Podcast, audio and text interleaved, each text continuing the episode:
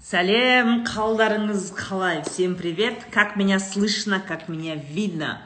Менде, как всегда, интернетпен проблема болып жатыр. А, Приветки. Приветки. Сәлемушка. Давайте кеш жарық баршаңызға қош келдіңіздер. Роза коуч парақшасы, инстаграм парақшасына. Дәстүр бойынша түнгі шай. Ага. Всем здравствуйте. Сәлем бердік. Келіп төрлетіңдер. Біраз әңгіме айтайық. М, Бомба жаңалық айтам. Бағана стористе айтқанмын. Ағылшын тілін білетін, средний уровеньде ағылшын тілін өзіңіз білсеңіз, а, немесе а, ағылшын тілін білетін танысыңыз болса, срочно қазір звондап осы эфирге шақыр.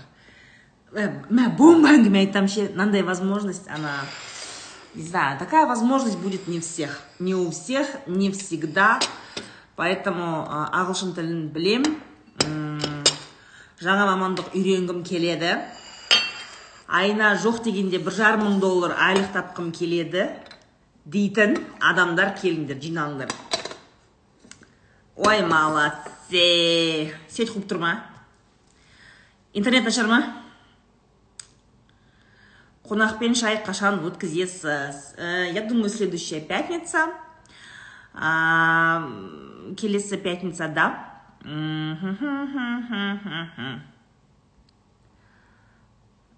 Ә, қонақ келеді точнее мен қонаққа барам.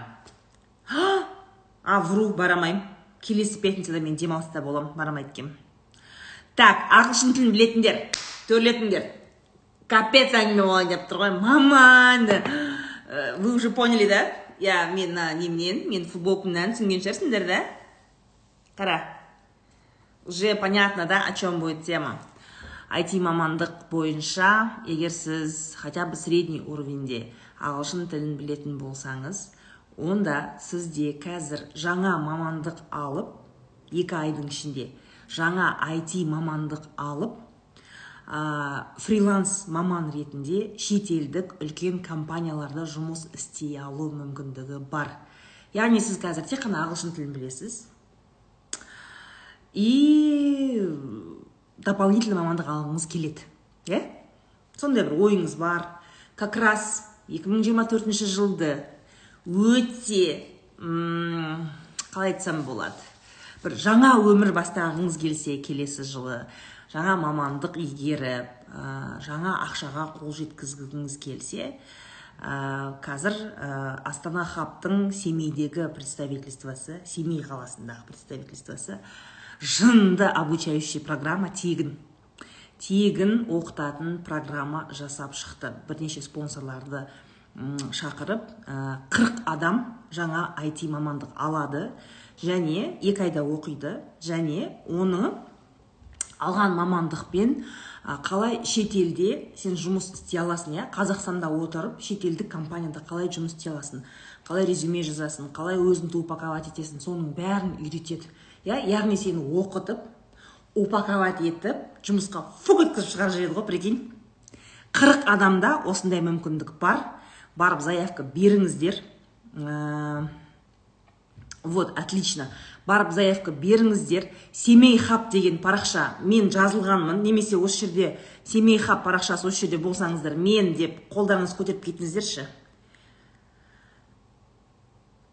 Мен деп қолдарыңызды көтеріп кетіңіздерші осы жерде. Это не реклама это не не как бы не емес. Қалай екен?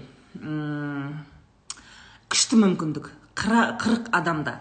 Не обязательно семейден болу. Егер семейде туысқаныңыз досыңыз болса немесе басқа қаладан барып семейден барып оқитын болсаңыз онда тоже астана хабтың партнерлары сол жақта семей хабтың партнерлары міне семей жазып жатыр. Көрдіңдер ма а, семей хабтың семейдегі партнерлары сіздерге а, тиімді бағада тұратын жер тауып береді. Басқа қаладан барып оқысаңыздар болады. Екі ақ ай оқисыздар. Два месяца всего новая профессия новые возможности. Всего 40 мест. Үлгеріңіздер отбор там бес алты ақ күн ба сондай өзі қырық орын кімге жетеді.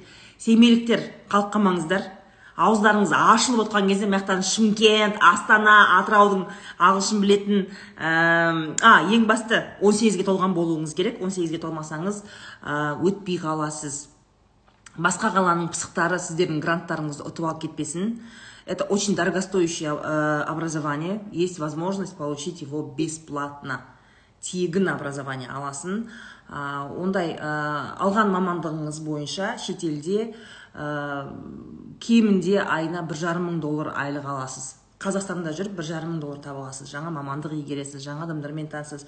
Короче это пипец возможность. Я вам прям предлагаю туда все таки зайти.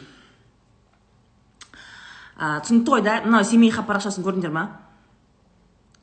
Шетелге сені жібермейді шетелдік компанияға сені жұмысқа тұрғызады фрилансер боласыңдар. Фрилансер. Сенен келіп сұрайды ғой жаңағындай ше. Кім? Мерей міне жазып тұрмын. Абай айти парақшасын көрдіңіздер ма? Екі ай тегін оқытады. Жұмысқа барлықтарыңызды кіргіземіз. абай айти парақшасына немесе семейха парақшасына кіріңіздер. Түсіндіңіздер ғой екі ай оқытады да сосын топ топ еткізіп жұмысқа кіргізеді. Қазақстанда отырып шетелдік компанияда жұмыс істей аласыз иә? Яғни шетелдік компанияның айлығын аласыз. Ана сізден сұрайды ғой мерей не ғой мерей қаяқта жұмыс істеп жатрсың деген кезде. А мен а, мен англияда жұмыс істеп жатырмын деп айтасың сол кезде. Мақтанып ше. Қайда қайда? деген. А мен неде біраз болды ғой уже мен францияда жұмыс істеп жатырмын деп мақтанып отырасыңдар тема короче. Түсінікті ғой понятно? Подписки жасап сұрақ қойып келдіңдер ма? Все отлично. Негізінде неге тек қана семей деп ренжімеңдер? Басқа региондарда да болады бірақ қашан болатыны белгісіз. Поэтому қазір алғашқы беріліп жатқан қырық орынға өліп жабысып алыңдар. Ағылшынды білулерің керек. Там требование 18-ге толған болу керексің ағылшын білу керексің. Осы екі требование обязательно. Ой мои шарики. Жазып келдіңдер ма? Енді білмейтіндер енді өздерінің сорларың маған не дейсіңдер енді? Мен мен не істейін енді? Оқыңдар ағылшын енді. Үйрену керек деп жүрсіңдер. Деп ұрысып қояды өзі ағылшынды. Мен де үйрену керекпін деп жүрмін әлі. Реклама жасағандар қазір. А жатақхана тегін ба?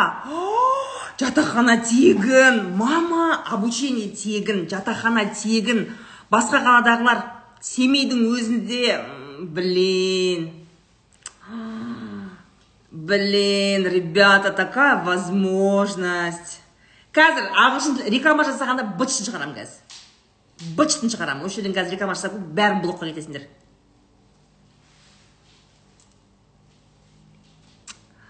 Блин средний уровеньде ей білемін деп кіріп алсайшы бар бірдеңе қылып үйреніп алсын. Тез тез оқисың ғой бірдеңе. Тұрмыстағыларды алады. Он сегізге толсаң болды. Тұрмыстасың ба? Декреттесің бе? Еркексің бе? Әйелсің бе? Бәрібір. 18 жас. Ағылшын тілі уровень средний болу керек. Барып парақшаға жазылып запрос жасап ә, семейде күтеді мә семей күтіп жатыр сендерді. Бірге дамиық дейді молодцы семей я прям рада. Астана хаб семей хаб я за вас очень рада. Күшті проект. А, сондай инвесторларды шақырып сондай жақсы м бастама жасап жатқандарыңызға қуаныштымын. Это прям супер. Осындай жобаларды мен үлкен вот с большой удовольствием вот үлкен сондай бір бақытпен сондай бір қуанышпен айтам. Ә, бөлісем өзімнің аудиториямен мен өзімнің аудиториямның. Ә, білімді ақшалы болған қалаймын. Осындай жаңалықтар болса ә, міндетті түрде айтып отырам. Ал короче он он бес минут. Он он бестен кейін можно а сондай ма? Он бес минут тұрады қазір оның паролі қандай? Қазір айтамын а прикольно аха. Дата аналитика визуализация данных дейді екі мамандық үйретеді. Заявка тастап үлгеріңіздер. Всего 40 мест. Енді білмеймін енді. Өстіп жүресіңдер ма? Сорлап осы ағылшын тілін білет бірақ бар шығар осы жерде араларында өйстіп тілді үйреніп әйтеуір бір күні шетелге жұмысқа кетемін деп жүргендер бар шығарсыңдар. Вот для вас вот этот ваш звездный час. Для меня это большое удовольствие. Спасибо астана хаб.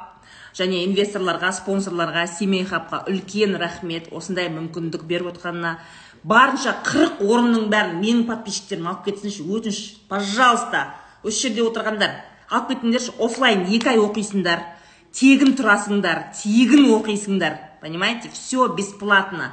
Просто езжай в семей. Сені шетелге бар деп жатқан жоқ москваға бар деп жатқан жоқ. Семей. Өзіміздің семейге барып оқисың тегін жатасың тегін оқисың мамандық аласың жаңа адамдармен танысасың.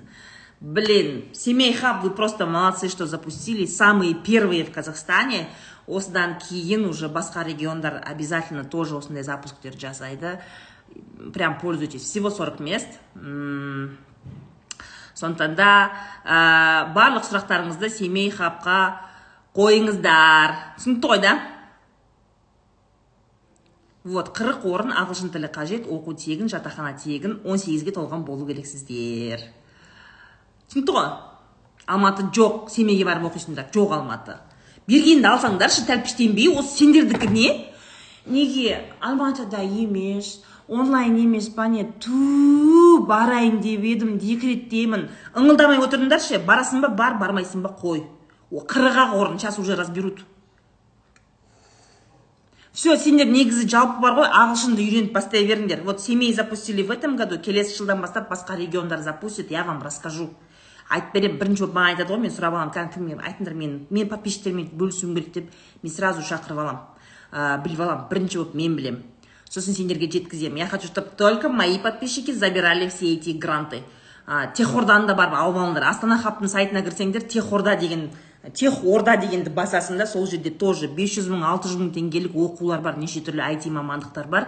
Сол грантты ұтып алып өз қалаңда оқудың мүмкіндігі бар. Там тоже есть гранты.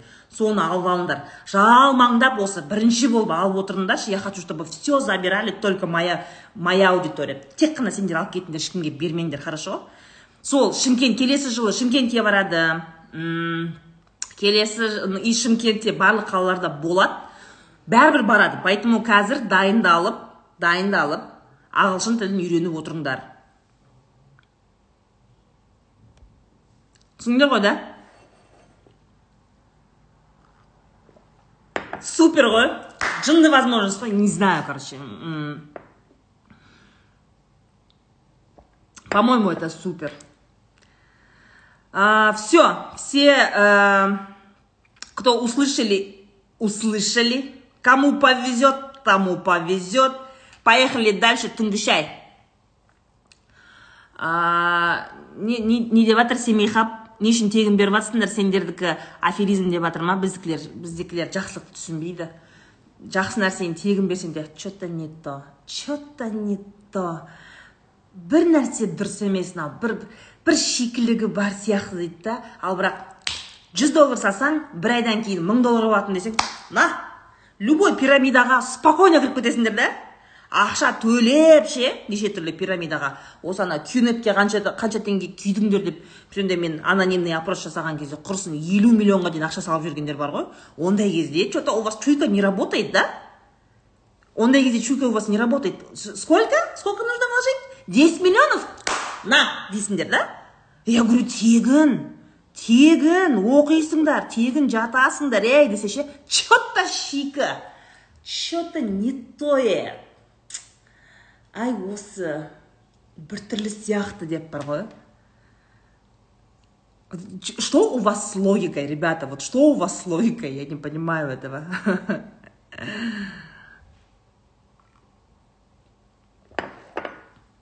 Опа! Мына жерде жынды сұрақ кетті. Уалива Уалиева задает горячий вопрос. Ехала. Осы сіз измена дегенді айта бересіз. Бірақ Джейзи Бейонсеге измена істеді. Ол кешірді ғой. Кеттік. Короче, былай деп жатсыңдар ғой. Бейонсенің өзі Бейонсенің өзі күйеуін кешіргенде қазақтың келіншегі болып мен неге кешірмеймін деп жатсың ба уалиева сөйтіп жатсың ба сен Кешіру, кешірмеу – это ваш выбор. Это ваш выбор. И вы знаете, э, если, я всегда говорю, измена, да, виноват только изменщик, не женщина. бізде бүйтіп айтады да от красивых женщин не уходит от ә, мысалы немесе тик токта там не знаю инстаграмда сондай рилстар жүреді вот таким женщинам изменяют вот таких вот, вот таких женщин обманывают деген сияқты осындай типа бір әйелдерді бір сортировать етеді да міне мынандайларға изменяют а мынандайға не изменяют деген сортировка жасайды да это неправда это неправда. Потому что ә, сен кім болсаң да қандай әйел болсаң да ты никогда не узнаешь сенің еркегіңнің қандай адам ол бір күні ойланып ойланып отырып ойбай болды мен ананы сүйіп қалдым деп саған измена жасауы мүмкін. В измене виноват всегда изменщик не женщина. Понимаете? Жерде ә, бейонсе такая шикарная такая номер один женщина. Даже ей изменили. Тұрсың ба дело не в бейонсе дело в джейзи. Если она его простила это только ее выбор. Ну так значит захотела. Она ну согласилась жить с такой информацией жить с мужчиной который ей изменил иә? Изменаны кешіру дегеніміз не? Изменаны кешіру дегеніміз ол саған измена жасаған адаммен әрі қарай өмір сүру деген сөз. Давайте называть вещи своими именами. Мужчина тебе твой муж тебе изменил и ты осознанно выбираешь жить с ним дальше. Ты учишься с этим жить. Изменаны кешіру деген оны ұмыту емес. То есть мен қазір изменаны қалай ұмытсам болады қалай кешірсем болады любой уақытта есіме түсіп кете береді. Ол есіңе түседі. Я тебе врать не буду. Давайте жить реально да? Мен саған өтірік айтпаймын. Ә, нет не бывает такого. Сен бір индийский кинодағыдай бір жерде құлап басыңды соғып басыңа кастрюль құлап амнезия болып есіңнен шығып кетпейді ол. Ты будешь всегда об этом помнить и ты будешь с этим жить. Изменаны кешіру деген сол. Саған измена жасаған адаммен хорошо деп ары қарай и это выбор каждого человека. Да если ты так решила пожалуйста. Да да можно. Если решила не жить тоже можно. Ол сол нәрсе но вы должны понимать в измене виноват только изменщик. Больше никто. Яғни а, сенің күйеуің саған измена жасаса ол жерде это я виновата это я не женственная это я стала скучной, сухой, нервной, агрессивной. Я забыла своего мужа, поэтому ол өстіп жатыр измен... Нет, вообще ты ни при чем. Здесь сен вообще ни при чем. И, кстати, ол әйел де ни при чем менің күйеуімнің басын айналдырды ол қатын дуалап алды әйтпесе менің нұрдәулетім ондай емес. Нұрдәулет бізді сүйеді бізді отбасымызды бала шағамызды жақсы көреді. Ол вообще ондай емес. Ана қатын оны бұзған емес. Нет в измене виноват только он. Если он изменил только он и виноват. Понятно? Қалғандарының бәрі это просто участники. Поэтому имейте в виду. Дело не в не бывает такого, такой сортировки, как типа, каким женщинам изменяют деген сияқты. Тиктоктарды можете сразу вот так вот, э, как его, э, өткізіп жіберіп отыра беріңдер. Изменяют, какие мужчины изменяют деген болады. А вот какие, каким женщинам изменяют деген формулировканың өзі дұрыс емес.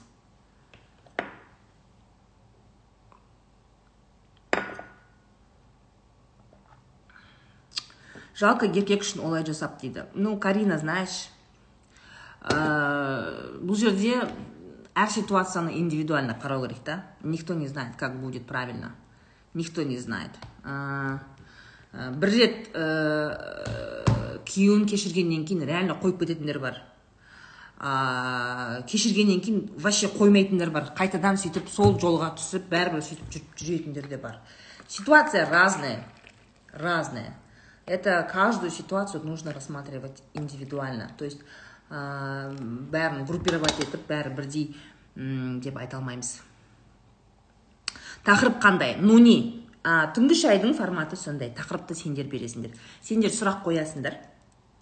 И мен соған жауап беремін. Сендердің қойған сұрақтарың ол осы түнгі шайдың тақырыбы. Ә, тағы да жолдастар айта кетейін түнгі шайды тура осы түнгі шайды сіздер ютубтан және подкаст алаңдарынан көре аласыздар тыңдай аласыздар алисадан тыңдай аласыздар. Алиса арқылы тыңдау өте ыңғайлы. Яндекс подкаст google подкасттан тыңдауға болады apple подкасттан тыңдауға болады. Яғни жұмыс жасап жүріп серуенде жүріп за рулем отырып тыңдауға ыңғайлы. Обязательно басқа алаңдардан да тыңдап көріңіздер. Сосын мен бұрынғы алдыңғы даже по моему былтырғыларды да салып жатыр қазір менеджерлар. Түнгі шайларды ол жерде м жаңадан қосылған оқырмандар сіздерге қызық болады деп ойлаймын. Кешегі айтқан киноңызды көрдім дейді қалай? Лиза қалай болды? Нормально болды ма? Түсіндің ба? Абьюзерлар қалай жұмыс істейтінін? Қалай ә, әрекет ететінін түсіндің ба? Вообще абьюзеры что они делают? Вообще абьюз жайлы қыздар сендер көбірек білсеңдер жалпы қоғам көбірек білсе жақсы болар еді. Иә абьюз қай кезде вообще жалпы туындайды? Абьюз теңсіздік болған кезде туындайды. Бізде қоғамда теңсіздік өте көп. Даже біздің миымызды шірітеді иә. Еркек ә, бір саты жоғары деген нәрсе әңгіме айтады да бізге ше то есть әйел өзін өте төмен сезінеді қоғамда. Сондықтан да ең көп абьюзді көретін ол әйел. Бірақ өткенде статистика шықты мвд-дан. Мвд-дан статистика шықты. Бір жылда деді ау деймін. Бір жылда 115 мың заявление түседі екен. 115 мың заявление түседі. Ә, бытовой насилияға бытовой насилие бойынша. Соның ішінде 10 проценті еркектерден түседі екен. Яғни әйелдерінен таяқ жейтін еркектер де бар. Яғни 11 мың еркек иә 11 мыңдай ма еркек заявление жазған. Мен үйде әйелімнен әйелімнен таяқ жеймін деген. Қалғанның бәрі ол әйелдер күйеуімнен таяқ жеймін дейтін. Ә, бұл жерде біз айта алмаймыз тек қана әйелдер таяқ жеп ну их мало еркектер ше мало. Сол он процент қалған тоқсан проценттің наверное ә, солар солардың өш, солар арқылы өш жинап жатқан шығар. Я не знаю. Но оказалось ә, оказалось что ә, ситуация сондай екен. Он процент еркек үйде зорлық зомбылық көреді екен. Вот.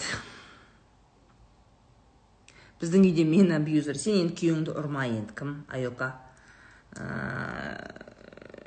Әйтпесе тоже заявление жазып жүремін мен эфирімді көріп көріп ол да заявление жазса ертең қиын болады.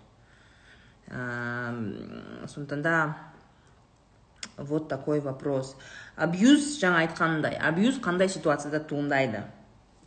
Бізде абьюз туындайды теңсіздік болған жерде. Иә біреуің төмен біреуің жоғары деген ұғымда егер қоғамда осындай нәрсе болатын болса осындай осындай нәрсемен тәрбиеленсе именно осындай қоғамда абьюз көп болады иә.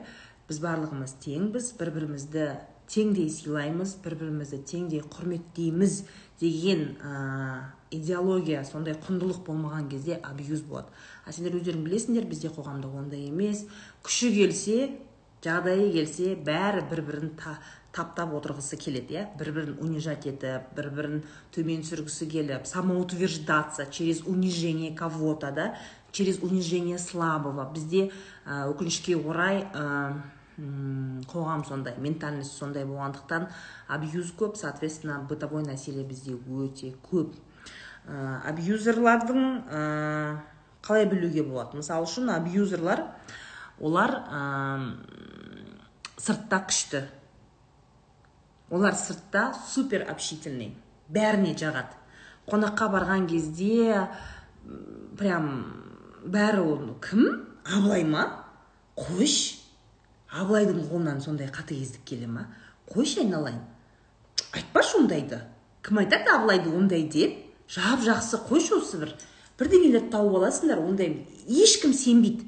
Ол жаңағыдай маған қысым көрсетеді он меня тиранит он меня кошмарит деп айтсаң ешкім сенбейді. Өйткені барлық туысқандар барлық достар абьюзерді жақсы көреді. Не үшін ол солай жасайды? Ал ә, әйеліне басқа қарым қатынас жасайды. Ә, ол постоянно мысалы үшін да мына жақта целый толпа адам абылайды бәрі жақсы көреді да. Бәрі жақсы көреді да молодец абылай. Дейді да и ә, әйелі көріп тұр ғой. Все его любят и он ко всем хорошо относится. Бүкіл туысқан достарға бәріне күшті относится а к ней относится по идиотски оны менсінбейді әйелді менсінбейді. Үйге келген кезде претензиясы көп ызыңдайды көп кінә тағады да. И әйел қалай түсінеді? Әйел қалай түсінеді? Ол былай түсінеді так если вот абылай хороший дейді да ол ше бізде ана қатындар сондай абьюзермен өмір сүретін қатындар бар ғой бүйтіп айтады жоқ жоқ жоқ негізі менің күйеуім жақсы сол анда санда сол сол енді анда санда бір бір екі рет бір шамалы енді бір соғатын болмаса негізі ол жақсы деп айтатындар. Әйел неғып сөйтіп айтады неге өйтіп айтады? Өйткені ол басқа адамдарға күшті қарым қатынас жасайды да именно саған жаман қарым қатынас жасайды. Сол арқылы ол психологически атака жасайды әйелге ше яғни көрдің ба? Көрдің ба? Вот они все хорошие а ты не такая ты плохая сен қолыңнан дым келмейді ты плохая жена ты плохая мать деп сөйтіп оны постоянно унижать етеді. Яғни басқаларға жақсы көрсетеді да и сол арқылы абьюзермен өмір сүретін адам өзін қалай сезінеді? Ол өзін қолынан ештеңе келмейтін адам ретінде сезінеді. Ол ә, реально қолынан как будто ештеңе келмейді. Ә, неге мысалда біз сендер бізде мысалы мынандай мизогиния бар иә? Ә, әйелдер ә, осындай әйелдер бар осы жерде подписчиктерім арасында да бар. Былай не істейді? Да фу осы сол таяқ жейтін байлармен қалай өмір сүреді? Неғып кетіп қалмайсыңдар деп мы возмущаемся. Мы не понимаем жертву которая живет с абьюзером. Иә біз түсінбейміз неге ол кетіп қалмайды? Неге ол қайтып кете береді? Мен ә, жансая деген осы алматы қаласының әкімдігі ұйымдастырған жансая деген кризисный центрмен ә, жұмыс істеймін. Ә, жансая кризисный центрі бар инстаграмда парақшасы бар. Егер сіз жаңағыдай күйеуіңізден зорлық зомбылық көріп жүрген болсаңыз сол жаққа хабарласып ә, реабилитация жасап реально күйеуіңізден кететін болсаңыз иә ұратын күн көрсетпейтін бала шағаңызды бәрін кошмарить ететін адамнан кеткісі келетін кет, кететін байларынан сондай байдан қашып кеткен әйелдерге пана болатын реабилитационный центр жансая. Вот ә, сондай кризисный центрде ә, мен барып сөйлескен кезде сол жақтың специалисттері айтады да ә, көп әйелдер осы жерден алты ай реабилитация өткеннен кейін қайтадан сол ұрғыш байларына барады дейді. Они все равно туда ходят. Қайтадан қайтып барады күйеулеріне и конечно бізде қоғамда осындай мизогиния бар да. Ой сол кетпейді ол байынан. Сол жақсы көреді сол байының жұдырығын жақсы көреді дейді да. Но на самом деле это не так. Просто ұзақ уақыт жылдар бойы абьюзермен өмір сүрген әйелдің миына мысалы да он жыл бірге тұрса он жыл немесе бес жыл бірге тұрса бес жыл бойы абьюзер оның миына құйып тастаған. Сен қолыңнан ештеңе келмейді сен ешкімге керек емессің сен менен басқа ешқайқа сыймайсың. Кім саған кім саған көмектеседі? Қай жаққа барып нан табасың сен? Кім сені кіргізеді үйіне деген сияқты осындай бес жыл бойы он жыл бойы осындай әңгімемен әйелдің миын улап тастайды. Именно абьюзерлар әйеліне жұмыс істеткізбейді. Жұмыс істеткізбейді чтобы табыс таппау үшін. Ол түгелдей әйелді неғып тастайды? Ешқайда қимылдай алмайтын қолынан ештеңе келмейтін сондай ә, жертвенный состояниеға түсіреді. И постоянно вот промывка мозгов сен қолыңнан ештеңе келмейді кім алады сені сенің әке шешең де үйіңе кіргізбейді деген сияқты и она вот жертва с таким ощущением ә, жаңағы кризисный центрге барады ғой ол бірден ол ситуациядан шыға алмайды хотя кризисный центрде психологтар бар. Ол ситуациядан ол шыға алмайды сөйтеді ол амал жоқ қайтып барады. Өйткені оның миында жазылып қалған. Мысалы сен бір адамға сен күнде айта берші сен жындысың сен жындысың сен жындысың десе сен жынды болып кетеді и вот эта вот вербовка постоянная да он бьет унижает издевается. Басқаларға күшті отношение жасайды да бұған келген кезде постоянно сен жамансың сен төменсің сен ешкімге керек емессің ты вообще никто пустое место деген нәрсені миына құяды әйелдің ол сол үшін кете алмайды. Сондықтан да ондай ә, проблемный байдан кете алмайтын әйелдерді ұрыспаңдар. Ә, им очень сложно. Посмотрите на нені нетфликста сериал бар уборщица деген уборщица деген сериал бар. Маған өте ұнады сол сериал. Ол жерде американдық осындай кризисный центрде өздері статистикасы бар екен. Егер әйел мынандай есептейді екен. Егер әйел кризисный центрге олар постоянно келіп кетеді ғой. Міне келеді кризисный центрде реабилитация өтеді да ары қарай өз өмірін бастайтын болып дайындалып ақ кетеді. Бірақ бәрібір сол күйеуіне қайтып барады. Они все время возвращаются все время возвращаются. Сөйтіп оказывается сол статистика бойынша если әйел жеті рет қайтып барса күйеуіне значит ол никогда кетпейді деген сөз все ее невозможно спасти. Ее мозг не переделается она всю жизнь такой и будет. Если жеті рет қайтып баратын болса сол ұрғыш проблемный байына ше и мысалы сол жансая кризисный центріне біз барған кезде во первых адресті мысалы мені шақыртты ғой эксперт ретінде шақыртты. Бізге адресі қайда екенін алдын ала айтпайды. Айтпайды. Келетін кезде бір сағат бұрын айтады. Міне таксиге машинаға отырып жатсыздар ма? Дейді да сөйтеді да туге жаңағы ссылка жібереді осы адреста деп. Бір сағат бұрын айтады. Барасың ә, үлкен здание андай ну высокие высокие там заборы төрт метр ма сондай. Үш метр төрт метр өте андай высокие заборы. И сол есікті тоқтатасың ғой келдік деп есікті тоқтатасың ғой ворота ашылады да и там выходят вот такие большие вот такие огромные андай охранниктер шығады. Андай обычный ана акиматтың охранниктері сияқты емес ана акиматта сондай ә, неде бір андай бір супермаркеттерде магазиндерде андай добрый добрый емес енді бір көкелер тұрады ғой әшейін бір шай ішіп отырады ғой охрана көкелері ше мындай бүйтіп. Деп қойып охрана болып отыратын көкелер бар ғой ондай емес там прям вот вот такая охрана стоит дәу двухметровый охрана тұрады. Кәдімгі ана клубтағы фейс контроль сияқты бар ғой сондайлар тұрады. Андай сөйтіп полный тексеріп сөйтіп барып кіргізеді кризисный центрге. Я говорю почему такая охрана? Неге өйтесіздер? Неге бір сағат бұрын жібересіздер? десем оказывается вот эти абьюзеры жаңағы әйелдер үйінен қашып кетеді ғой жалаң аяқ документсіз бала шағасын ұстап сол кризисный центрге қашып кеткен қашып кеткен кезде артынан келеді екен аналар. Вот эти вот абьюзеры они выслеживают. Ә, выслеживают артынан келеді да и они пытаются там жену избить. Сол жерде ұрғысы келеді сосын маза бермейді күнде есіктің алдына келіп тұрады. Сәуле! Сәуле! Шық! Сен қайдан деген айғайлап сөйтіп күнде концерт қояды екен там без такой охраны никак. Ә, сөйтіп келеді. Немесе вообще абьюзеры когда ты от них уходишь абьюзердан кететін әйел кеткен әйелге ә, кетем деген әйелге неге қиын? Ә, оған абьюзер мынандай әңгіме айтады. Сәуле сен түсінсей мен осының бәрін екеуміз үшін істеп жатырмын. Біздің отбасымыз үшін сәуле неге сен мені қинай бересің? Дейді сосын. Кто узнает своего любимого абьюзера? Вот короче ол сөйтіп не істейді да осының бәрі сен үшін осының бәрі отбасым үшін. Неге сен мені түсінбейсің сәуле? Дейді сосын айтады бүйтіп айтады. Сен неге мені қинай бересің?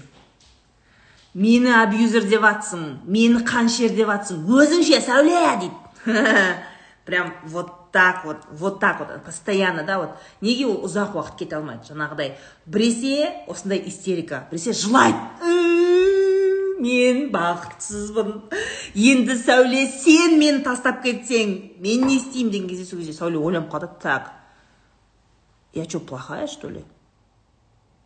Я что плохая что ли? Неге? деп ше анау сосын ол ойланып қалады. Мен оның жанын қинап жатырмын ғой он же мне говорит ә, типа сен неге қатыгезсің деп жатыр ғой сонда сен бала шағаны алып кетіп мені қаншер деп жатсың өзіңше! деген кезде әйел ойланып қалады да өзі и так миы ағып кеткен он жылдың ішінде ше. Она думает нет нет нет я не хочу быть такой деп. Сөйтіп бір вариант осындай скандал жасайды жертвенный әңгіме. Бір вариант қайтадан жаңағыдай наоборот нападать етеді. Немесе бір вариант бірден добрый болып қалады. Білмеймін гүл әкеледі ресторанға апаратын болып қалады бір жақсы болып қалады бір үш төрт күндей ше сол кезде әйел ойланып қалады да е бұл өзгереді екен ғой деп ше. И с каждым разом год за годом женщина надеется что он исправится потому что скандал болған кезде мен кетем деген кезде оның байы обязательно жаңағыдай концерттің біреуін қояды. Өзі сол үш программа. Не жертва болу жаңағыдай жылап мені тастама сен кетсең мен сені ғана сүйем осының бәрі сен үшін деген жертвенный концерт құрады немесе төбелес шығарады қырғын болып немесе вдруг жақсы болып қалады осы үш концерттің үш вариант концерта у абьюзера когда женщина хочет уйти поэтому очень сложно уйти Ой, ужас какой. Что там, работает? А пароль какой? Сложный, да?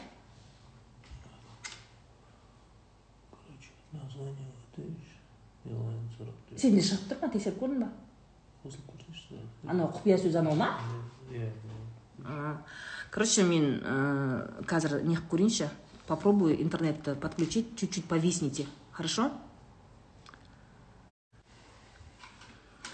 так эфир зависает репертуардағы үш концерт дейді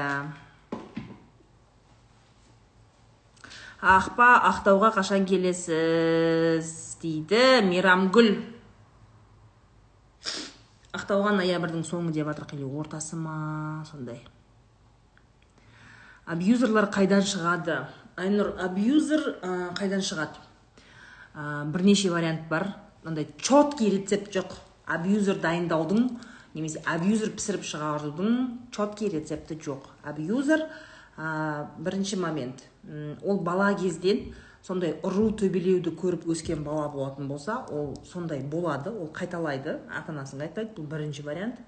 Екінші вариант ә, бұл определенный психологиялық травмадан болуы мүмкін. Ә, үшінші вариант ә, бұл өте самооценкасы төмен еркек болуы мүмкін. Ә, төртінші вариант ол психологиялық ауытқуы бар адам. Иә? Иногда реально психологиялық ауытқуы бар адам он по-другому не может. И еще ключевой момент абьюзерлар өзгермейді. Олар жыл сайын каждый раз сол жаңағы айтқан үш концертті қоя береді қоя береді қоя береді. Понятно? А, считается что негізі жаңа айттым иә абьюзер бастапқыда өте заботливый. Прямо сенің іші бауырыңа кіріп кетеді. Өйткені смотри сен оның жертвасысың ғой. Сені ол толықтай бүйтіп басқарып толықтай басқарып сені ә, жаулап жаулап алу үшін ол бәрін істейді.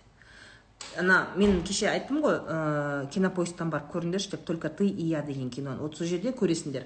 Вот мужчина он делает все чтобы сені жаулап алу үшін сен туралы бәрін біледі. Ә, саған өте внимательный. Прям ше сен не сөйлесең де не айтсаң да аузыңа қарап отырады бүйтіп ше. Сол прям все про тебя знает. Жүріп жүрген кезде ол сондай қыздар сендер ойланып қалуларың мүмкін типа вот какой он заботливый боже это это мужчина моей мечты деп қалуы мүмкін да. Ол прям сенің аузыңа кіріп кетейін деп сен туралы бәрін біліп сөйтіп уже бәрін біліп алғаннан кейін начинает тебя контролировать потихоньку. Алло?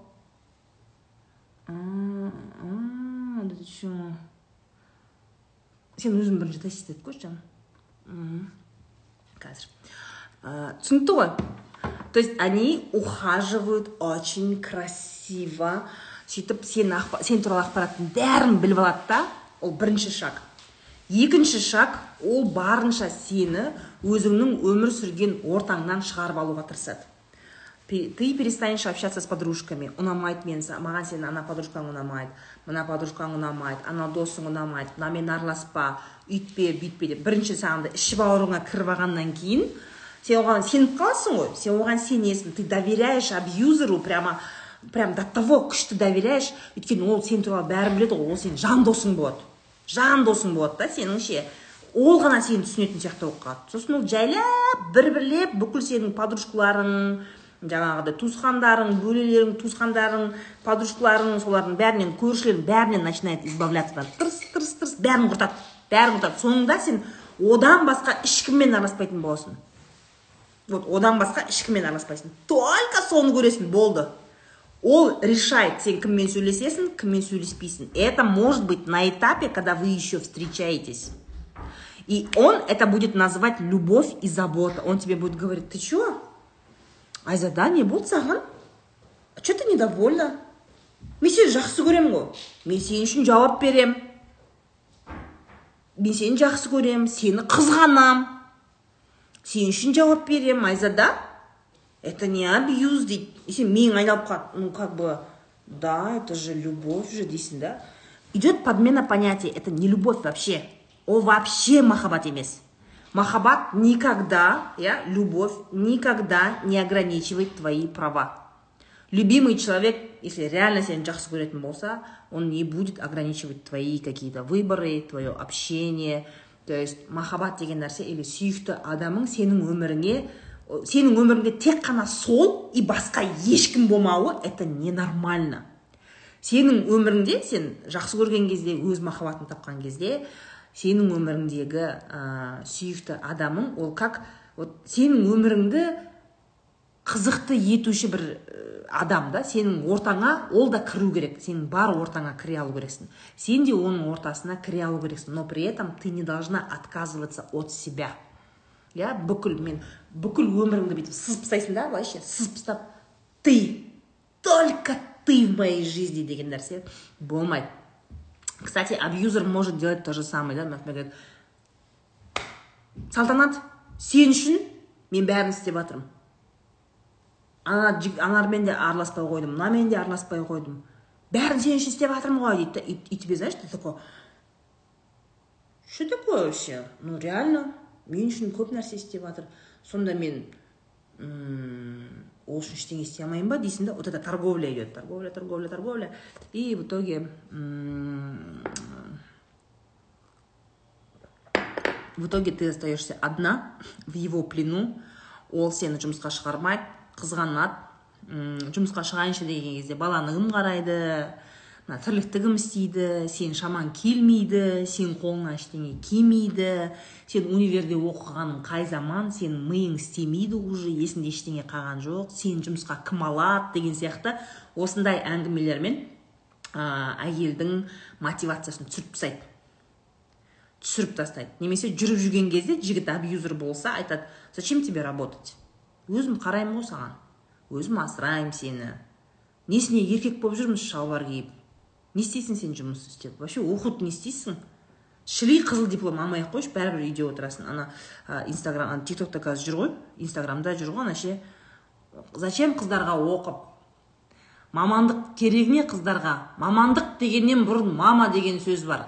Қыздарға ә, жаңағыдай тамақ істеп үйде қатын болуды үйрену керек дейді. вот приблизительно это вот такой разговор да, то есть мужчина уже открыто заявляет о том, что э, я абьюзер, я ничего не буду позволять делать своей жене, и все. Я не говорю, что э, о, сондай еркекке э, ондай еркектерді үйленеді ондай еркектерді таңдайтын әйелдер болады и они вот как-то учатся жить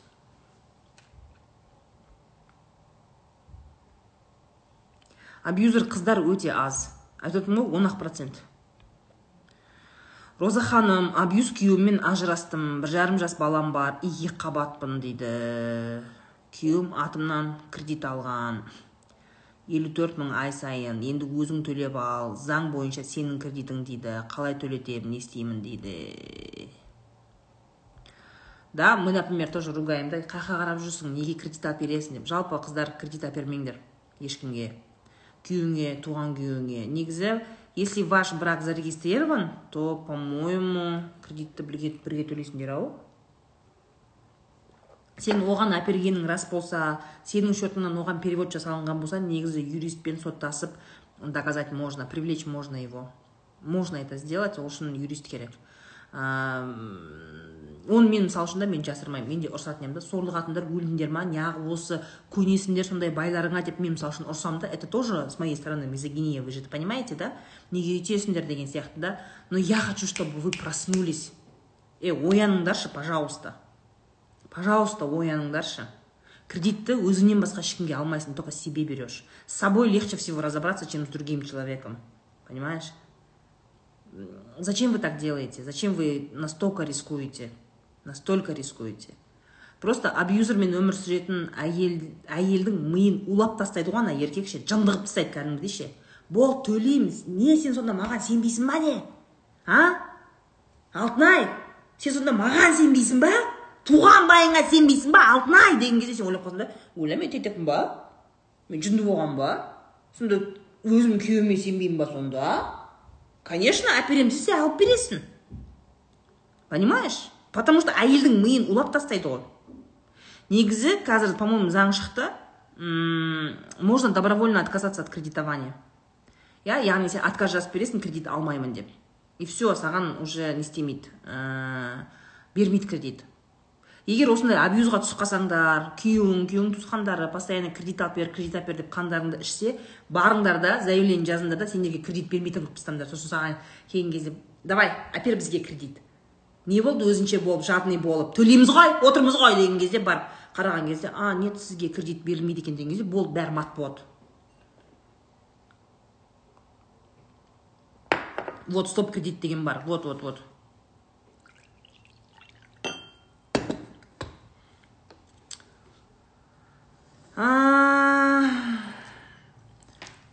Ема деп жатсыңдар ма?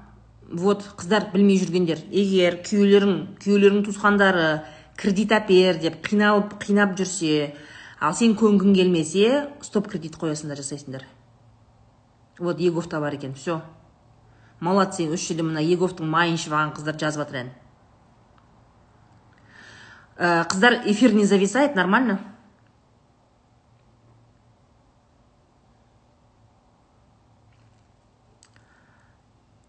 Эфир не зависает нормально все мына жерде біраз келіншектер үф! деді ғой деймін иә? Молодцы. Еговқа кіріп стоп кредит алып тып тыныш отырыңдар. А маған кредит бермейді! деп спокойно отырыңдар. Все нормально болса онда модем ауыстырмаймын. Э, я специально для своих эфиров смотри у меня я біздің үйге келетін битиком домашний интернетпен қырылып біттім. сотовый связьбен қырылып біттім купила теперь вот такой вот домашний интернет билайновский білмеймін жыртады дейді ғой әдейі чтобы прямой эфирда нормально сидеть я не могу смотреть на проблему и не решать ее жұмыс жасамай тек қызғаныш ұру аңду жынды қылды дейді блин алтынай я понимаю тебя я понимаю тебя твою сложность но стопроцентно түсіне алмаймын өйткені менің өмірімде ондай болған жоқ.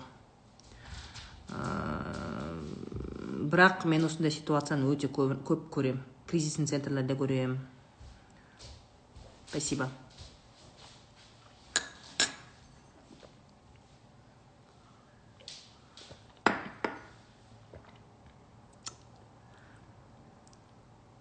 Мен жігіттің атынан кредит аламын ғой дейді қыздар мне, кажется если есть абьюз с женской стороны я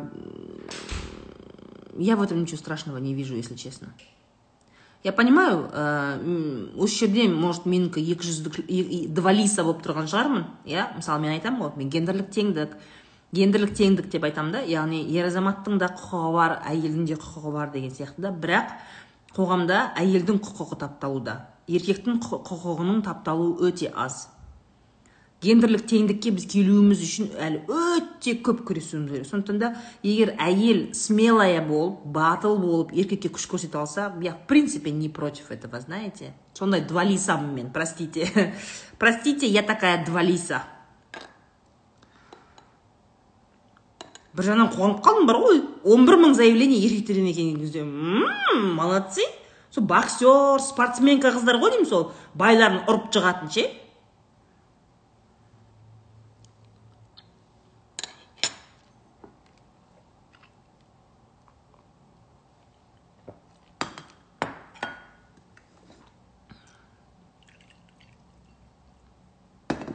Не істеу керек екенін айтпадыңыз. Ә, абьюзермен өмір сүруде ма? Абьюзер өзгермейді. Өзгермейді абьюзер. Если хочешь научиться жить с этим барар жерің болмаса енді өмір сүресің енді. Әркімнің таңдауы өзінде. Мен сендерге бүйт ә болды таста қаш! деп айта алмаймын. Бірақ кетем деген әйелге абьюзерден кетем деген әйелге мемлекет көмектеседі. Барлық региондарда қазақстанның барлық региондарында кризисный центрлер бар. Сол жаққа барып пана тауып иә үйің жоқ болса егер үйің жоқ туысқандарың қабылдамайтын болса сондай кризисный центрді паналауға болады. Кризисный центрлер алты айдай реабилитация жасауға мүмкіндік береді. Әртүрлі мысалы осы алматы әкімдігіне қарайтын кризисный центр жаңағы жансая олар алты ай көмектеседі әйелге. Бүкіл жаңағыдай күйеуі документтерін бәрін алып қойған болса бүкіл документтерді восстановить етуге юрист отырады психолог отырады. Ыыы сөйтіп ну короче помогают женщине чтобы а сосын сол жерде кризисный центрде алты айдың ішінде әйтеуір бір қолынан бір іс келетіндей бір жұмыс үйретеді. Жұмыс үйретеді соны жұмыс жасап кейін алты айдан кейін сол кризисный центрден шығып өзі жұмыс істеп бала шағасын асырауға жаңағы пособияға несіне беретіндердің бәрін сотына қатысып бүкіл сондай сопровождениесін жасайды. Яғни әйелге қоғам көмектеседі этот үкімет көмектесіп жатыр да. Помогают. То есть э, тут выбор у каждой женщины свой. Если ты хочешь жить дальше если ты не можешь то будешь жить. Если хочешь уйти кризисный центрге бара аласыңдар яғни выход жоқ деген нәрсе жоқ. Әйелдер бізде бүйтеді да қайда барам енді? Қайда басам? Баратын жерім жоқ. Менде ешқандай басқа шешім жоқ. Мен тығырыққа тірелдім деген өтірік әңгіме. Есть выход есть. Из этого из этой ситуации выйти можно если захотеть. Понимаете? Можно выйти. Просто не все могут не у всех получается. Өмір бақи тұратындар бар абьюзермен. Қатып қалып жатыр ма?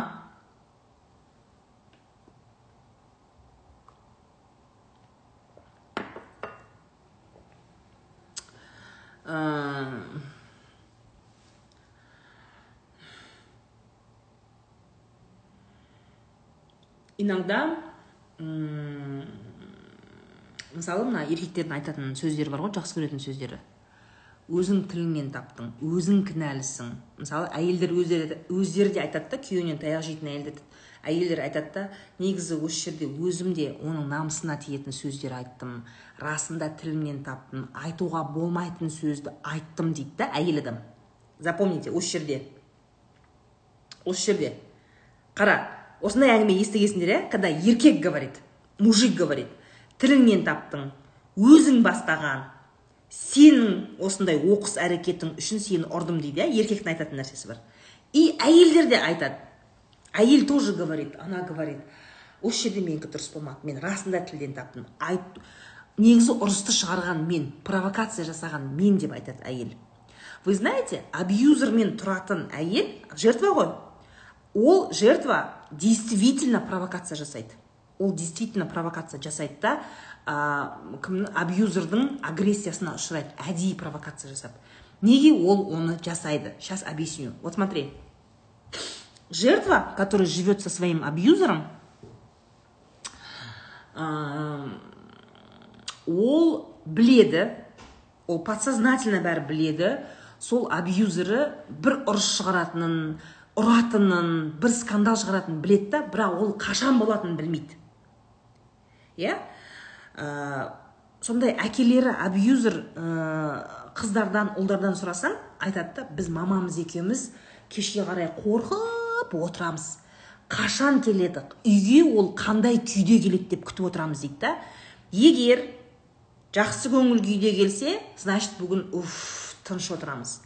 Ал егер көңіл күйі болмаса ішіп келсе значит мамам да таяқ жейді мен де таяқ жеймін деген сияқты. Осындай әңгіме естігенсіңдер иә? Білесіңдер. Таких мужиков вы знаете прекрасно. И ә, расында осындай еркекпен тұратын әйел иногда ұрысты өзі шығарады. Неге? Потому что мындай да мучительное ожидание. Она никогда не знает когда он взорвется. Оның абьюзері байы ол андай ғой. Это как бомба замедленного действия. Ол никогда білмейді ол қай кезде атылатынын. И вот это ожидание ол іштей да қазір міне қазір қазір қазір қазір қазір қазір бірдеңе болып қала ма?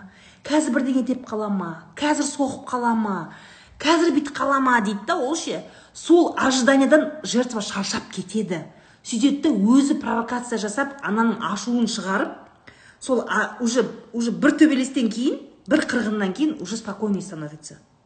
Становится спокойнее уже. Уф уже бір ұрыс болады и становится спокойнее. Келесі ұрысқа дейін кішкене құлақ тыныш. Поэтому жертва специально абьюзерді провокация жасап жаңағыдай ұрғыздырып бір скандал шығартып алады да чтобы успокоиться наконец то потому что әр төбелестің ортасында әр скандалдың ортасында ұзақ уақыт болса ұзақ уақыт болса вот это вот ожидание ішті өртейді она ей сложно она не понимает қашан таяқ қай жақтан ұшып келетінін білмейді ол. Поэтому чтобы в ожидании не сидеть она бессознательно провоцирует скандал. Бессознательно это делает әдейі істемейді потому что мозгу очень сложно ожидать пиздец. Вот ты не знаешь откуда пиздец прилетит. Ол сондықтан сондай нәрсе жасайды. Сондықтан да еркек айтады сен тілден таптың дейді әйел өзі айтады мен де тілден таптым расында ұрысты шығарған мен дейді. Это происходит так да? Яғни абьюзер ә, жертвасын қатты қыспақта психологиялық қыспақта ұстағандықтан ол амал жоқ осындай бір м агрессияны бір шығарып алу үшін осындай провокация жасайды. Поэтому жертву не обвиняйте. Почему я говорю что victim blaming это плохо? Никогда жертву не обвиняйте. Өзің тілден таптың сенің кесірің деп істемеңдер ол амал жоқ. Вот это напряжение жертва не может выдержать это напряжение. Понимаешь? До того оны психологически морально ол әйелді жертваны андай өлтіріп тастаған. Психологически и морально ол кете алмайтыны содан. Ол ертең мен өмір сүре аламын әрі қарай деген іште тірек жоқ ішкі ондай несі жоқ. И все ол все время возвращается к своему абьюзеру. Это так.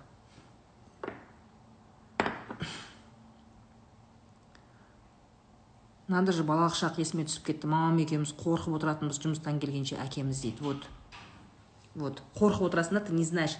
Ана есіктің айтады ғой ана есіктің кілтін сықырлатқан кезде соның движениесінен білуге болады. Он сегодня пьяный ә, либо он спокойный деген сияқты.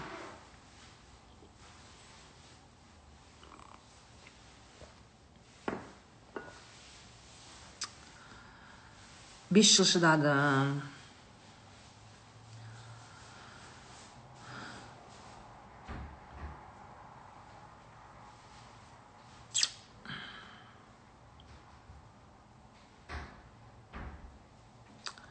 Енді айшолпан как так жить болғанда так живут очень много женщин не только в нашей стране. Очень много женщин живут именно так. Ол біздің ғана мемлекетте емес ол барлық жердегі проблема. Жалпы бүкіл әлем бойынша ә, қоғамдағы әйелдің рөлі ә, өте өте төмен өте төмен. Ғасырлар бойы әйелді адам ретінде емес ол екінші сорттағы адам ретінде немесе объект зат ретінде қарайды трофей ретінде қарайды иә. Мысалы соғыс болған кезде ә, жеңілген жақтың әйелдерін қыздарын спокойно трофей сияқты алып кетеді зат сияқты алып кетеді зат сияқты. Кеше біз ана неге бардық қой? Уже кинотеатрға шықты бөлек шығайық деген кино обязательно сходите. Трейлерін көрген болсаңдар айтады да жаңағы ә, енесіне енесінде екі келіні бар. Екі келіні бар. Соның көршісі келеді да әй біз ертең қонақ шақыратын едік маған ана мантабаркыңды ана табақтарыңды сосын ана екі келініңді бере тұршы дейді да. Көрдің бе? Екі келініңді бере тұршы дейді. Зат. Зат. Это люди. Ну как рабу, рабы? Почему я говорю что қыздар тұрмысқа шыққаннан кейін малай болып кетеді деп айтамын ғой. Неге? Өйткені реально осындай рабствоға жібереді да. Мә рухан. Мына шыбын ше қанды ішті. Именно менің аузыма келеді ғой неғып кете алмай қойдық. Вроде бы москитный қаяқтан келіп жатыр а? Қой я не знаю откуда они летят то есік ашылмайды почти. Я просто в шоке от них. Я не знаю уже сколько.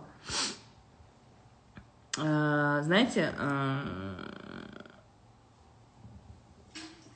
негізі сол бөлек шығайық киносына барсаңдар көресіңдер ол жерде вообще кинода мен түсінгенім. Ә, кинода жақсы және жаман кейіпкер жоқ. Там нету хорошего и плохого персонажа. Ол жерде сен ә, енесін де жаман деп айта алмайсың. Енесі тоже жертва этой системы. Сен ол жерде ә, еркектерді де иә жаңағы екі абысын келіннің күйеулерін де жаман деп айта алмайсың. Никак.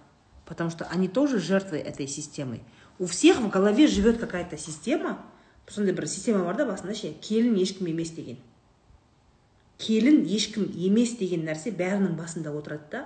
Олардың жаңа екі абысының енесі кезінде ол да күйеуге тиген кезде сондай болған ғой примерно. И ол думает значит так должно быть дейді да ол. Ол ертең мен ене болған кезде мен басымнан өткеннің бәрін келіндеріме жасаймын деп жасамайды. Просто оның басында ол норма. Мен өстіп ешшақ болып малай болдым. Малай болдым. 20 жыл 30 жыл малай болдым. Так міне енді менің кезегім келді. Енді мен наконец демалам и келіндерім маған малай болады деп ойлайды ол. Болды. Ол это не месть просто это как норма жизни. Как норма жизни это стало. Просто посмотрите этот фильм, он такой, возможность посмотреть на свою жизнь со стороны. Барынша мүмкіндіктеріңіз болса, енелеріңізбен, келіндер, енелер, абысындар, бірге семейно барып көрген дұрыс. Прям реально сходите. Откройте, уже ә, айтылатын әңгіме айтылу керек. Айтылатын әңгіме айтылу керек. сепарация мәселесі көтерілу керек. Қоғам өзгеру керек. Вот сендер үшін сондай кино түсірілді ғой. Барып көріп келіңдер. Көріңдер да? Что то может в вашей жизни измениться. Конфликттен қорқудың қажеті жоқ как раз сол кинода ә, конфликт болады енді аналардың бөлек шыққысы келген екі келіннің бөлек шыққысы келгенін ә, түсінеді ғой. Түсініп тұр енесі. Біліп қояды бар шындықты. И сол кезде конфликт шығады. И жалпы негізі кез келген нәрсе ол шындықтың беті ашылып конфликт болған кезде әйтеуір сдвиг болады с мертвой точки. Томырайып іште ұстап жүруге болмайды. Сходите на фильм. Именно аузыңмен айта алмайсың ба киноға? Қандай кино десе бір қазақша кино болып жатыр екен барамыз деп. Атын атын бөлек шығайық деп айтпаңдар алдын ала. Билет тапып қойыңдар да сөйтіп енеңді алдап сұлдап алып барсын барып көріңдер сосын.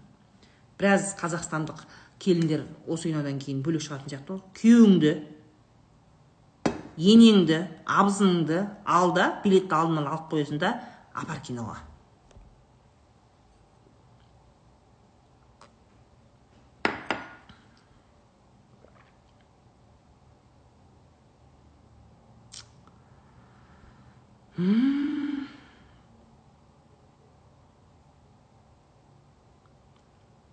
на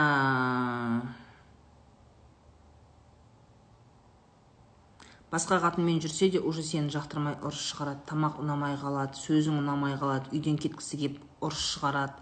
Жүргіш еркектер де абьюзер болады. Ну смотри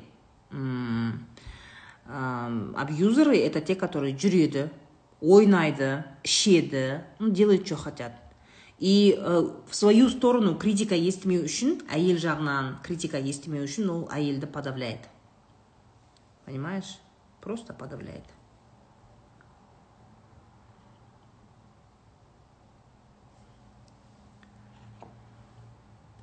байым шешемнен бөлек кетпеймін десе не істеймін это плачевная ситуация когда мужик сам не хочет уходить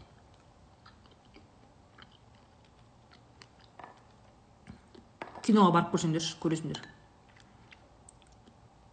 на самом деле нормальному мужику не нравится жить с мамой. Не нравится.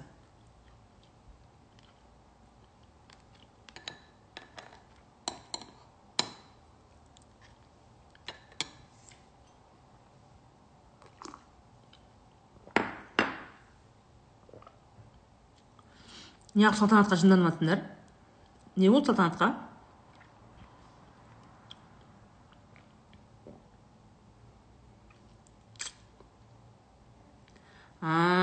Ашытып жатыр ма ладно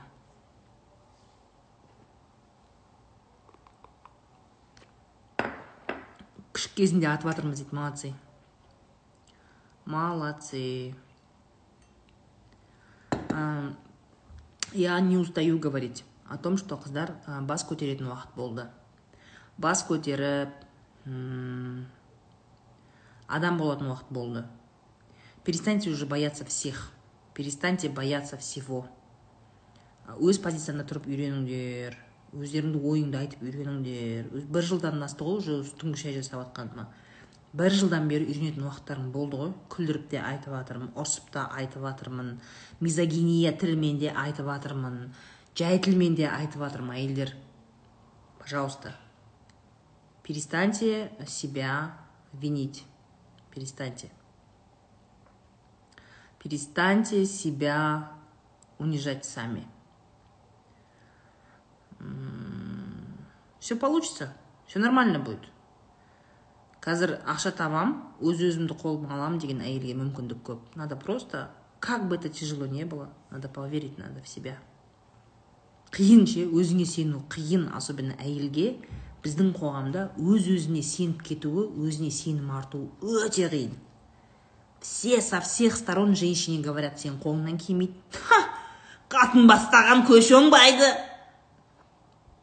Байтал шауып бәйге алмас. Деп ше все все кому не лень демотивируют женщину. Все ол специальный мақалдарды ойлап тастаған. Барлық жерде барлық жерде любой әйелдердің қолынан келмейді. Әйел кәсіп жасай алмайды. Әйел ана оқу оқи алмайды. Әйел жетістікке жете алмайды. Әйелдің ақшасының берекесі жоқ деген сияқты. Жетеді жетеді. Әйелге қолынан келмейді деп айтушылар өте көп. И сосын сол үшін ғой әйелге очень сложно поверить в себя. Енді миына құйып тастаған ғой сенің қолыңнан ештеңе келмейді деп. Сложно женщине поверить в себя вот в себя. Мен менің қолымнан келеді. Мен жасай аламын. Мен карьерада өсе аламын. Мен ақша таба аламын деген нәрсеге әйел сенбейді қалай сенеді? Ананы түртіп қалсаң айтады не қыласың мамандықты әйелдің орны кухняда бала туу сен жатырың бар бала туасың тамақ істейсің болды ты обслуживаешь все зачем саған оқып? Қолынан келмейді жақсы кәсіпкер только еркектер әйелдердің қолынан кәсіп келмейді әшейін анда санда бірдеңе сатып сондай бірнәрсе онлайн магазин болмаса үлкен кәсіп жасай алмайсың дейді.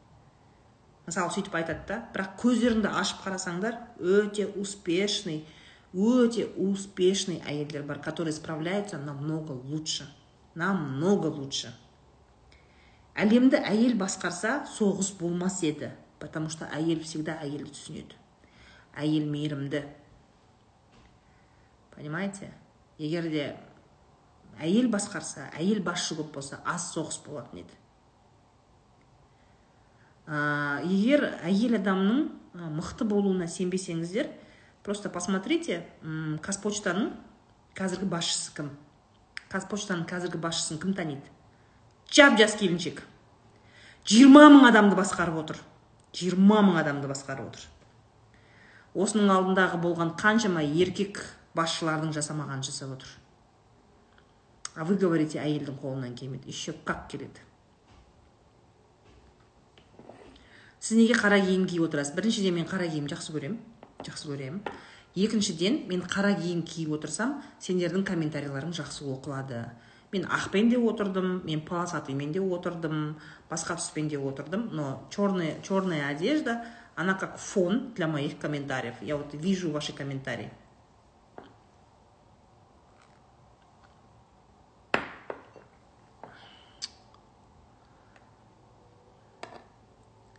Так что верьте в себя. Адекватных парней много. Вот реально адекватный жігіттер өте көп ә, этот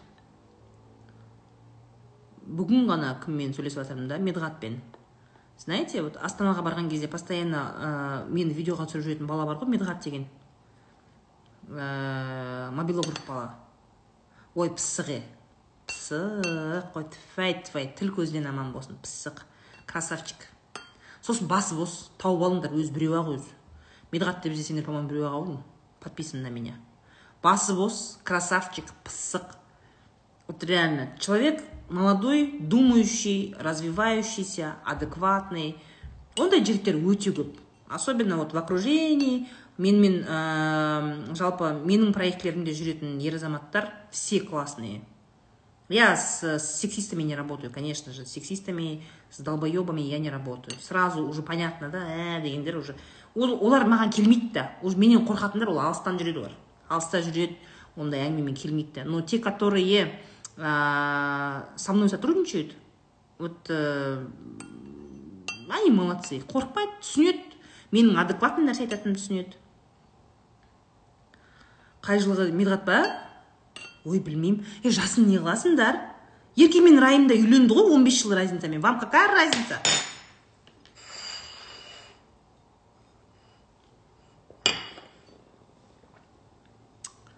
Ответте дейсің ба? Неге ответ деп жатсың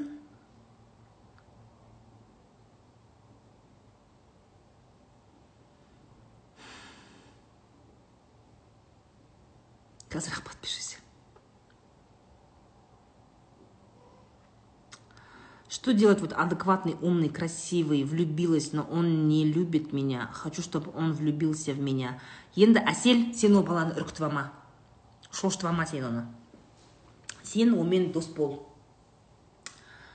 үйтіп мысалға да ондай слишком агрессивно нападать ететін қыздардан қорқатын жігіттер де болады.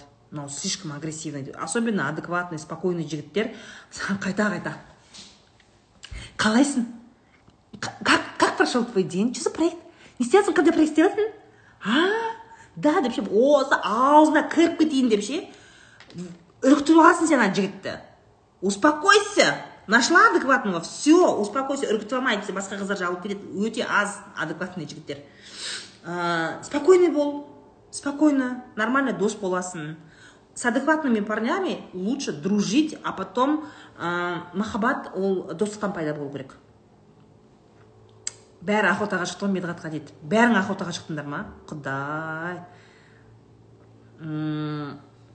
Түсіндіңдер ма? Түсіндің ба? Кім әсел үркітіп алма аузына кіріп кетейін деп сөйтіп не істеме спокойно адекватно дружить етейінші бір общий проект болса бір общий жұмыстар бойынша жұмыс бойынша контактировать етуге тырыс. Сенің миың бар екенін көрсет. Аузың ашылып а какой он классный!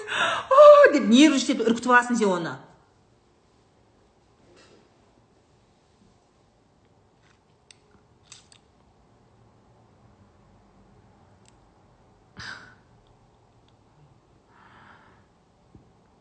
Балаларымыз абьюзер болмау үшін қалай тәрбиелесек болады? Біріншіден абьюзді үйде көрсетпеу яғни үйде әке шешесі өздері бір бірлерімен төбелесіп жатса конечно бала сондай болады. Сондықтан да ата анаға ата ананың рөлі үлкен бұл жерде. Екінші баланың тұлғалығын профессионализмін дамыту керек білім беру керек практика көп болу керек. Бізде көп әйелдер ұл балаға бүйтеді жаңағы абьюзер жігіттер қайдан пайда болады? Ұл балаға ерекше не болғаннан кейін ықылас береді да ұл балаға. И почему то у него в жизни получается все легко. Иә ол бәрі оңай. Ол үйдің тірлігіне араласпайды ғой барлық ол ұйықтан деп тұрса алдында тамақ дайын бөлмесінен деп шықса төсегін қинап қойғансың киімін әр жерге лақтырып кете береді жуып үтіктеп іліп қоясың да?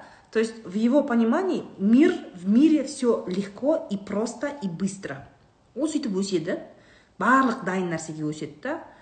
Ну вроде бы адекватный болсын деп сен оған білім беріп жатрсың оқытасың. Бірақ үйдің тірлігі өзіні өзін өзін обеспечивать етуге сен ешқандай оған білім ол жағынан практика бермейсің. Сөйтеді да ол үлкен өмірге барған кезде он видит что в жизни не так. Андай бүйткеннен оның проблемасы шешілмейтінін біледі. Іштей агрессия пайда болады. Ол сөйтеді да естественно ол не нәрсеге тырысады? Өзімен тең білімі тең өзімен жаңағы ә, үзеңгілес ақылды ә, жаңағыдай бірге дамитын қыз іздемейді ол. Ол үйге домработница іздейді. Топастау сәл оқымаған сондай қыз іздейді. Немесе он сегізге толмаған өзім тәрбиелеп аламын деген сияқты. Өйткені ол біледі ғой қолынан ештеңе келмейді ол өз қотырын өзі қаси алмайды. Сөйтеді да ол сөйтіп жаңағыдай сұрақ қоймайтын бәріне көнетін сондай қызға үйленеді. Сөйтіп естественно ол өзін комфортно сезінгендіктен ә, жаңағы қыздың миын улай береді ол. Почему да вот он, он чувствует вообще я же говорю слишком жаңағыдай дым істетпей өзіне жауапкершілік бермеген ұлдың самооценкасы негізі өте төмен болады. Бірақ ол оны көрсетпейді ол бүйтіп жүреді. Бетіп жүреді оны көрсетпейді ол. Сен сыртынан қараған кезде о мынаның деген көкірегі үсіп тұр ғой мынаның самооценкасы страшно ғой деп ойлайсың да. На самом деле нет. На самом деле у него очень сильный очень слабая самооценка. Ол қолынан дым келмейтінін біледі қолында ешқандай практикасы жоқ. Өзі автономно өмір сүре алмайтынын біледі. Әке шешесінен кетпейді сол үшін. Понимаешь? И сондай кемшіліктерін жабу үшін осындай слабый көнгіш әйелді алады да соны төбелеп отырады. Мужчина должен участвовать во всем. Қыз сияқты үйдің тірлігіне ол да равно қатысу керек. Ол мынау таза ыдыспен тамақ ішу үшін еңбек ету керек екенін біледі. Мына ыдысты жусаң таза болатынын біледі. Ол сөйтіп өмір сүреді. Ол түсініп өмір сүреді. Бұл бір ғана фактор. Басқа айттым ғой психологиялық травма болуы мүмкін. Өзінің бір определенный психологиялық ауытқу болуы мүмкін. Бұл жерде әртүрлі фактор бар. Бірақ ата ана ретінде ұл баланы өбектеп өсіруге болмайды.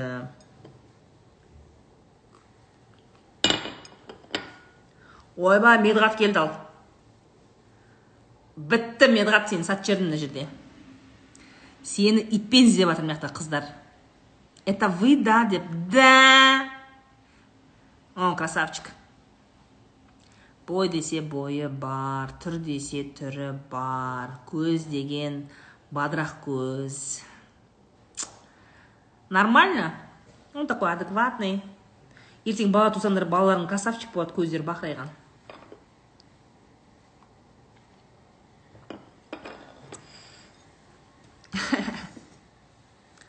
Қыздар құда түспейді қыздар строго ұрлайтын сияқты ғой.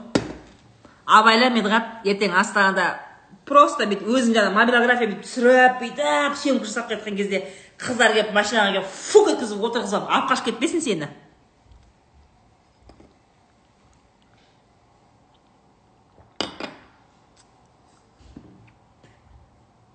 Игроманды қалай өзгертуге болады? Перизат жаны сол оны өзгерте алмайсың. Игроманды емдеу керек. Наркологияға апарасыңдар и то ол емделмеуі мүмкін.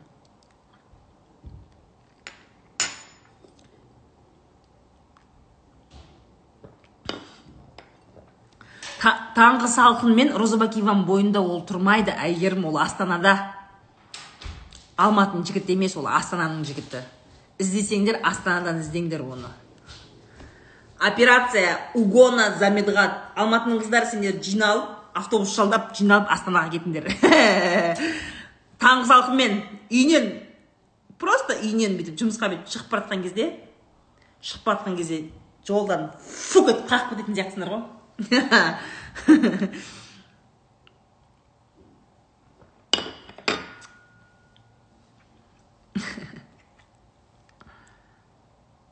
Астананың қыздары давайте. Не хороший парень реально хороший парень. Мен қанша рет астанада екі рет он меня сопровождал на съемках. Очень творческий очень креативный умный адекватный сыйлайды ең бастысы маған ұнайтыны он знает границы он умеет считывать эмоции. Мысалы ол өте көп блогерлармен жұмыс істейді ғой. Жаңағы миллионник мен сияқты мен, менде миллион жоқ. О коронам деген аспанда ғой шіркін. Киноға түсіп ғой мен киноактриса емеспін бе? И э, мне нравится вот этот подход, его умение считывать эмоции. Он умеет ә, жаңағыдай өзіне өзіне керек жақсы кадрларды шығару үшін ә, блогермен немесе экспертпен дұрыс сөйлесе алады да вот это вот классно. Это значит человек очень чуткий он считывает у него очень развитый эмоциональный интеллект. Вот это важно. Так что менің фильтрімнен өткен нормальный жігіт ала беріңдер.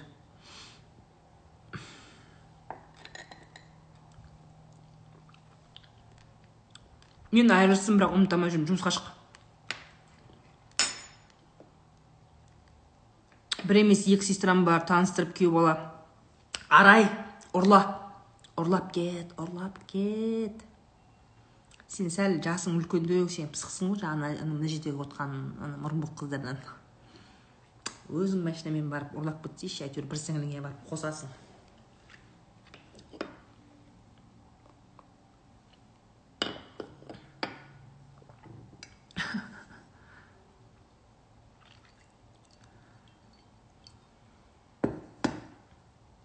Ала беріңдер дейді. Ойбай ақерке жеңілді. Үркітіп алдым уже ұялғаннан өтірік внимание аудармай жүрмін. Өзім типа отшила дейді. Ой у әсел не қылдың? Слишком настырный болмаңдар қыздар. Если увидели хорошего адекватного парня сексист емес ә, патриархальный идеологияға жатып алмаған сондай жігіт көрсеңдер жабылмасаңдар сразу. Подружитесь. Үркітіп аласыңдар сендер агрессивный қыз екен дейді ол о маңғыстау привет роза ханым мені талап жатыр дейді сауап саған маңғыстау хаб зашли маңғыстау хаб ә... маңғыстауға баруым керек негізі ақтауға барамыз деп пландап жүргенімізге біраз болды ғой дым уақыт жоқ шы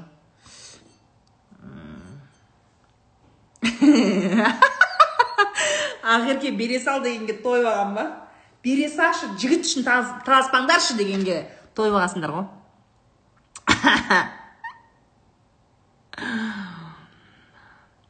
медғат өтсе роза ханым бұл көреді ағады ғой деймін өй наверное да. Жазылып алдың ба арай? Молодец. Сіңлілеріңе аккаунтын жіберіп қойсай сұрақтарыңыз болса жекеге жазыңыздар маңғыстау айти хаб сендермен сөйлесеміз дейді.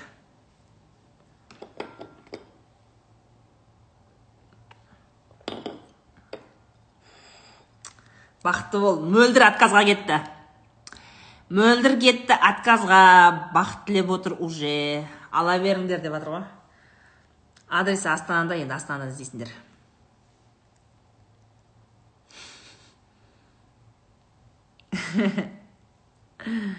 ағылшын оқыңдар көріп жатсыңдар ғой мүмкіндік деген море. Барам ақтауға барам қолым тимей жатыр. Мен актрисамын. Айта берейін ба? Әр сөз сайын. Мен актрисамын. Мен актрисамын. Жолдастар мен сондай қолым тимейтін деген сияқты.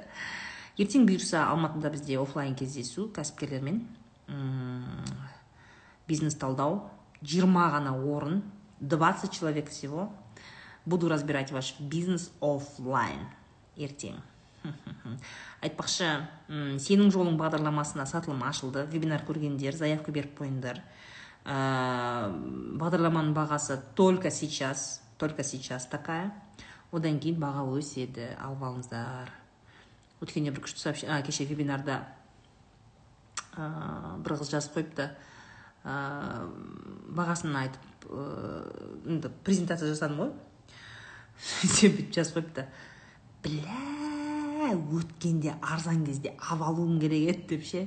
Вот сол сияқты отырмай. Сол сияқты отырмай қазір баға жақсы кезде алып алыңыздар. Абьюзер еместі қалай танимыз басында жақсы ғой дейді. Смотри жаңа айттым иә абьюзер танысқан кезде сені егер ол жертва ретінде көрсе ол барынша сен туралы ақпараттарды білгісі келеді. Сені контрольда ұстағысы келеді. Бірақ ол оны бір саған деген забота деп айтады саған ше. Понимаешь? Дана мен сені жақсы көрем мен сені қызғанам. Бұл менің қамқорлығым ғой саған деген дана. Неге сен өйтіп не істеп жатсың қалай енді мен еркек емеспін ба?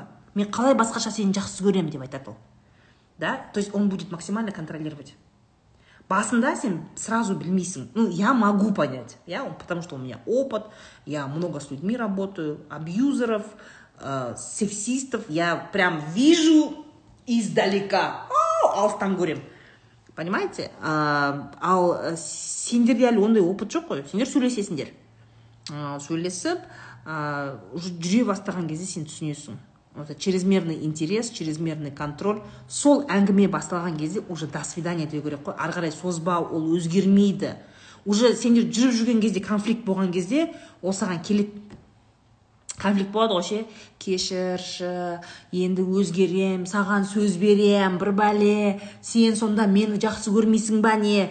Басынан сен мені сонда жақсы көрмедің ба? Деген манипулятивный сөздер айтады. Сонда осынша уақыт бойы сонда сен мені өтірік алдап жүрдің ба кәні жақсы көрем дегенің осы ма жақсы көргенің? Бір косягымды кешіре алмай жатсың ба? Осы ма? Екі жүзді екенсің ғой сен өтірікші екенсің ғой деп саған прям қысады сені ше после конфликта сені қысады.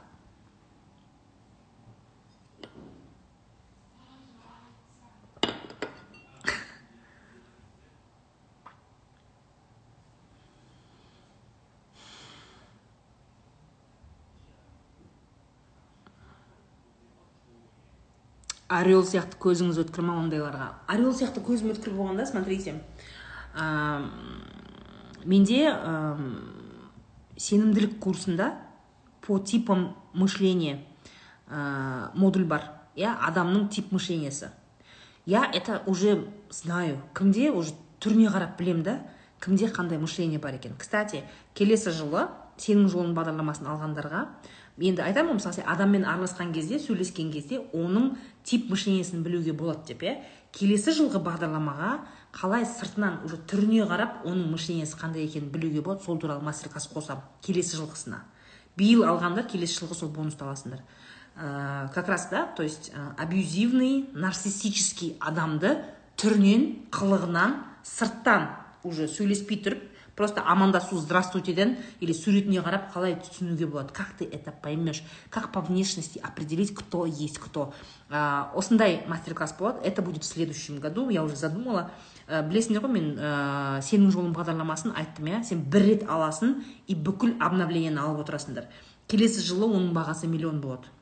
Миллион болады программаның бағасы. Биыл төрт жүз елу мың. Алып алыңдар. Биыл алып алыңдар. Все обновления последующие годы. Ә, сіздерге келіп отырады. Ә, миллионға кім алады деп ойламай ақ қойыңдар будет дофига. Тем более программа жирная. Кеше вебинарға қатысқандар біледі. Программаның ішіндегі контент просто мясо просто жирное мясо. Өкінбейсіздер. Ә, это будет лучшая инвестиция тем более доступ навсегда.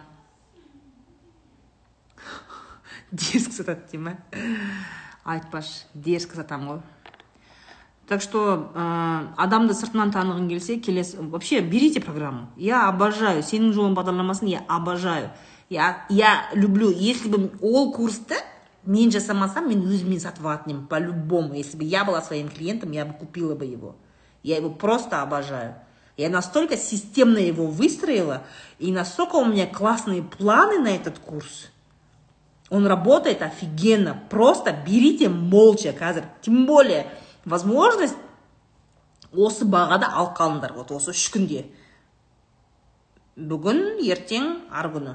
Үш күнде алып қалыңдар. Это целая трансформационная программа с доступом навсегда и с обновлениями навсегда. Алып алыңдар лучшая цена лучше не будет она вырастет еще. Бағасы төрт жүз елу мың.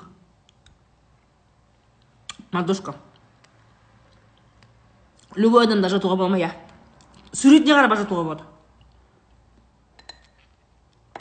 Офигенный мастер класс будет. Вы все охренеете просто.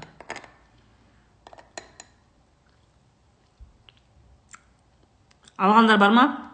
Сенің жолын алғандар үшін жазып кетіңдер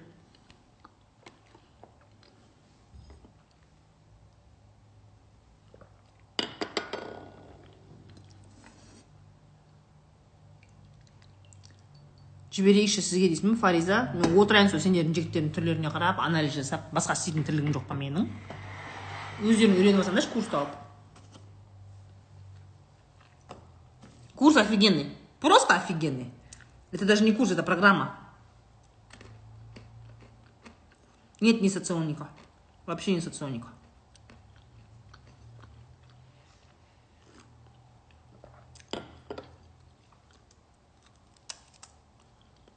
Ақша сұрайтын жігіттер болады не то что ақша сұрайтын кредитке кіргізетін жігіттер болады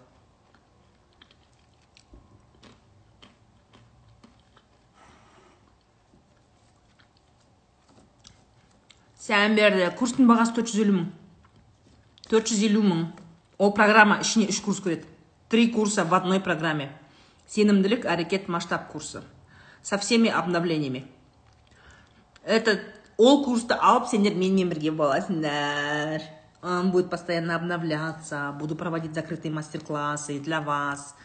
Топовый ақпараттар алып отырасыңдар. Аудио медитация қосылады биыл. До конца года обещала вам сделаю аудио медитация вообще огонь будет просто огонь. Құрсын сенің жолың е медғат сен қалай алмайсың оны? Давай ақша жинап тез ал. Рахмет. Жігіттің вниманиясын қалай аударуға болады? Аяру. Сен үшін мастер класс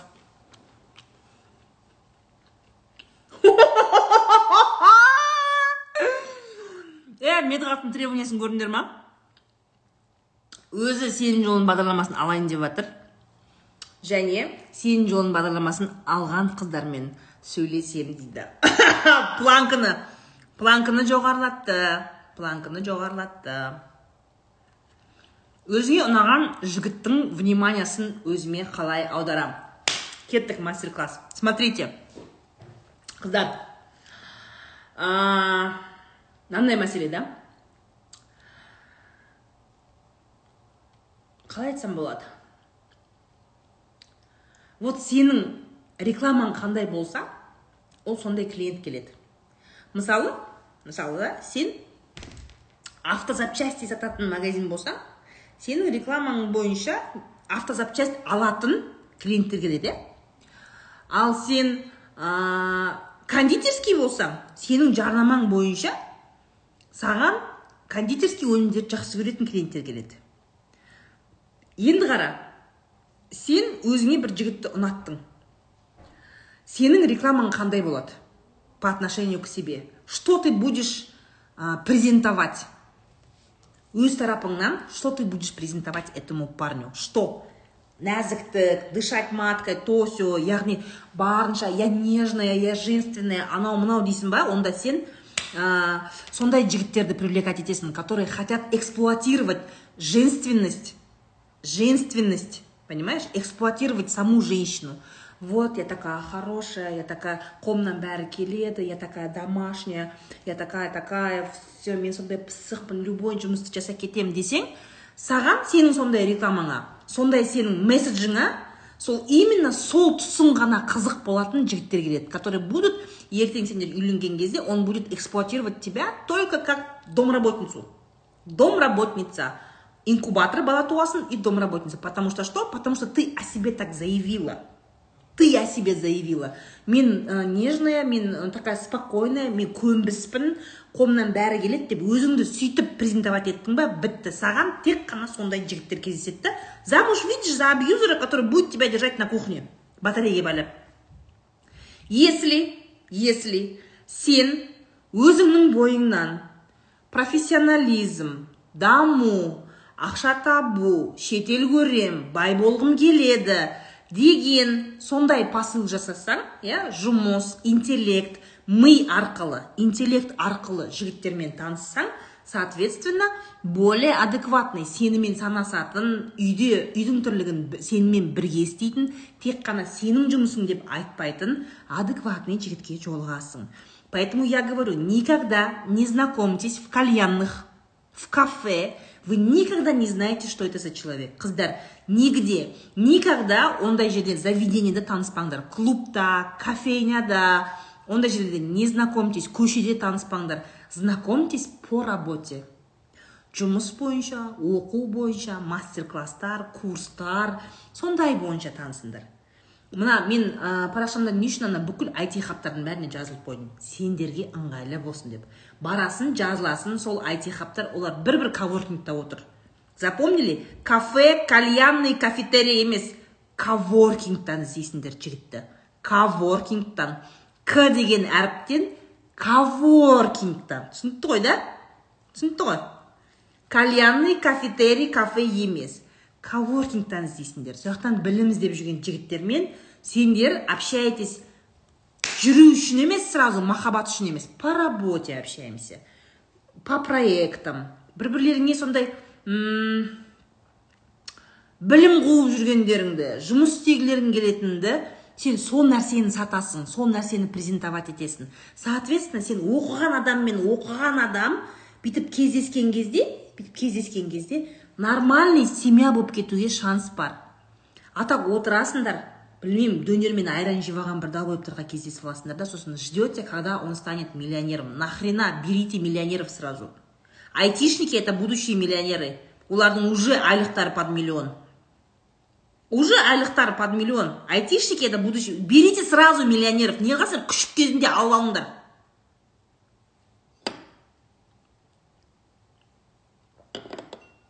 Не надо. Басқа жерде танысатын болсаңдар қонақта бірдеңеде.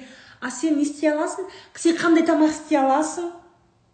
Бір бәле деген сұрақ қойды ма? Болды до свидания. До свидания пошел нахрен бар тамағыңды өзің істеп ал все егер сенен жігіт тамақ істей аласың ба?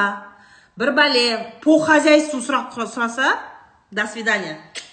Прощай. На том же месте прощай.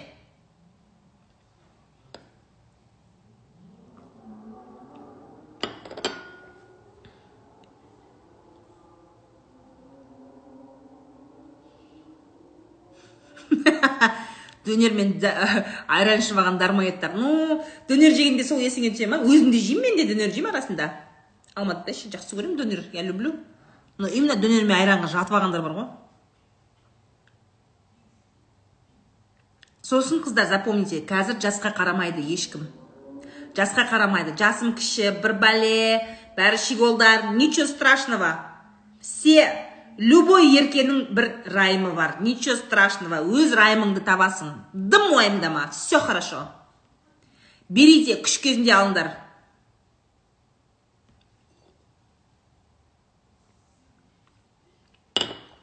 Атырауский қыздар сияқты сөйлес дейді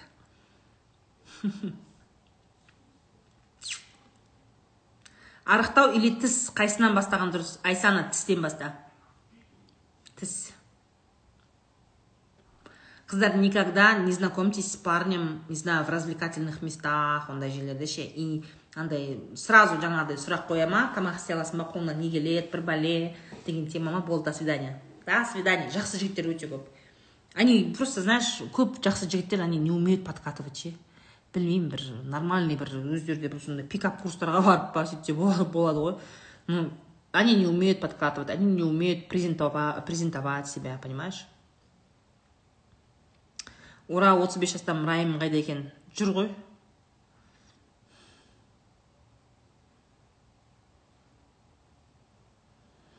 Сондықтан да өзіңе ұнаған жігітті жаңа алдында сұрақ қойды ғой. Өзіме ұнаған жігітті өзіме қалай қаратам? Қара егер сен онымен сөйлескенде сөйлесу барысында м реально ақылды әңгімелер айтып сондай қызықтыра алсаң интеллектуально бір бірлеріңе қызықты болсаңдар ол қарайды саған. А қызық болмаса значит он долбоеб. Зачем он тебе нужен? Нахрен он тебе нужен?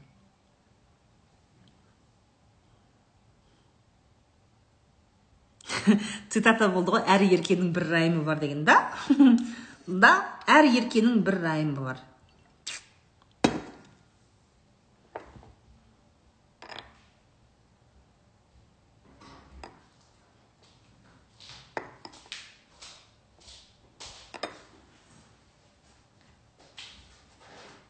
артыңыздағы лампаны көрсетіңізші дейді. Мынау ма? Мынау ма? Люстра ғой мындай столдың үстінде бүйтіп тұратын обеденный столдың үстіндегі люстра.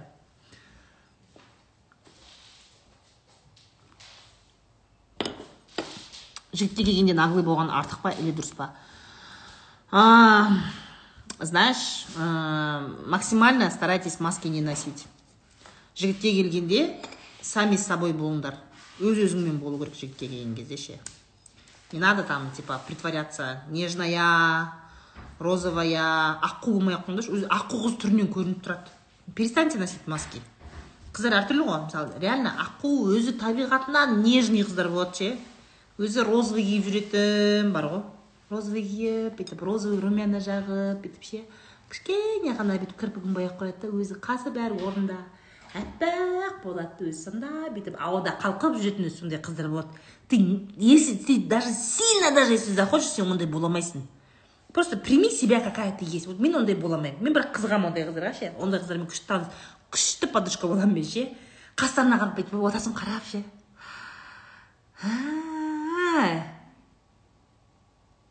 гүл болып отырады ғой. Просто картинка қарап отырасың ше әрбір мынандай кірпік қағуының өзінде мынандай не бар ғой? Мән бар ғой? Бүйтіп сондай қыздар көп қой негізі ше ұнайды сондай күшті сондай қыздар. А есть такие как я. Например мен сияқтылар бар. Алдынан келген жығып артынан келген тебетін. Тоже хорошо ничего страшного. Все. Главное өзің этот өзіңмен өзің болсаң именно сені таңдайтын сенің өзіңнің махаббатың кездеседі. Не, не притворяйся никем. Вот придет человек который примет тебя такая какая ты есть не будет тебя исправлять. Басқа қыздар сияқты бүйтіп жүрсейші бүйтіп киінсейші демейді. Зачем вы притворяетесь? Зачем? Қашан басталды тоғыз жарымда басталған.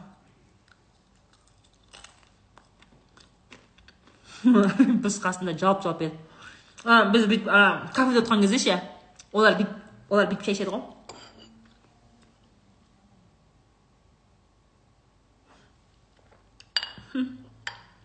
Бүйтіп миығымен күліп ше асықпай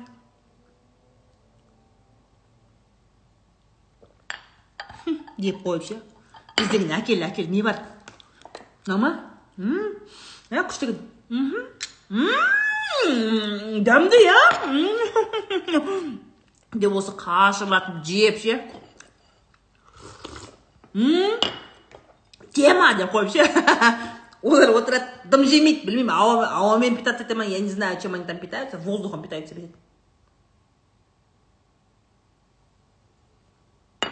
осы аузын ашып бір тамақ жеп жатқанын көрмейсің ғой солар дөнер жей ма дөнер бургер жей ма солар ше жемейтін сияқты иә бүйтіп бүйтіп аузын бүйтіп қатты ашып тамақ жеп жатқан ғой біз деген дәу ең дәу менюдағы ең дәу бургерді алып аласың да бүйтіп ананың ішінде сөйтіп басың бүйтіп көміліп кетеді ғой ананы жеген кезде ше ах деп жеген кезде и ничего и нормально.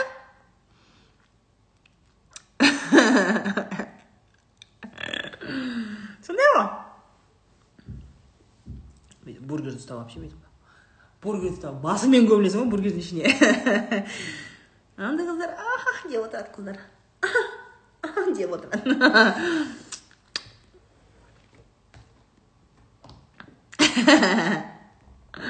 оля бір жарым сағат болыпты ғой отырғанымызға прикинь. А я и не заметила что бір жарым сағат болды почему? Как я это поняла? Я не вижу ваши комментарии. Все инстаграм вечно вечно меня а, вот так вот ограничивает. Мен қазір қайтадан кіремін.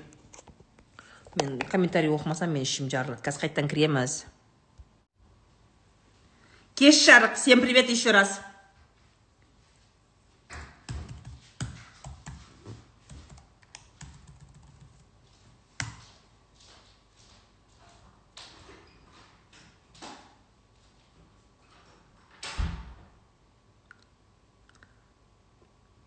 Хай.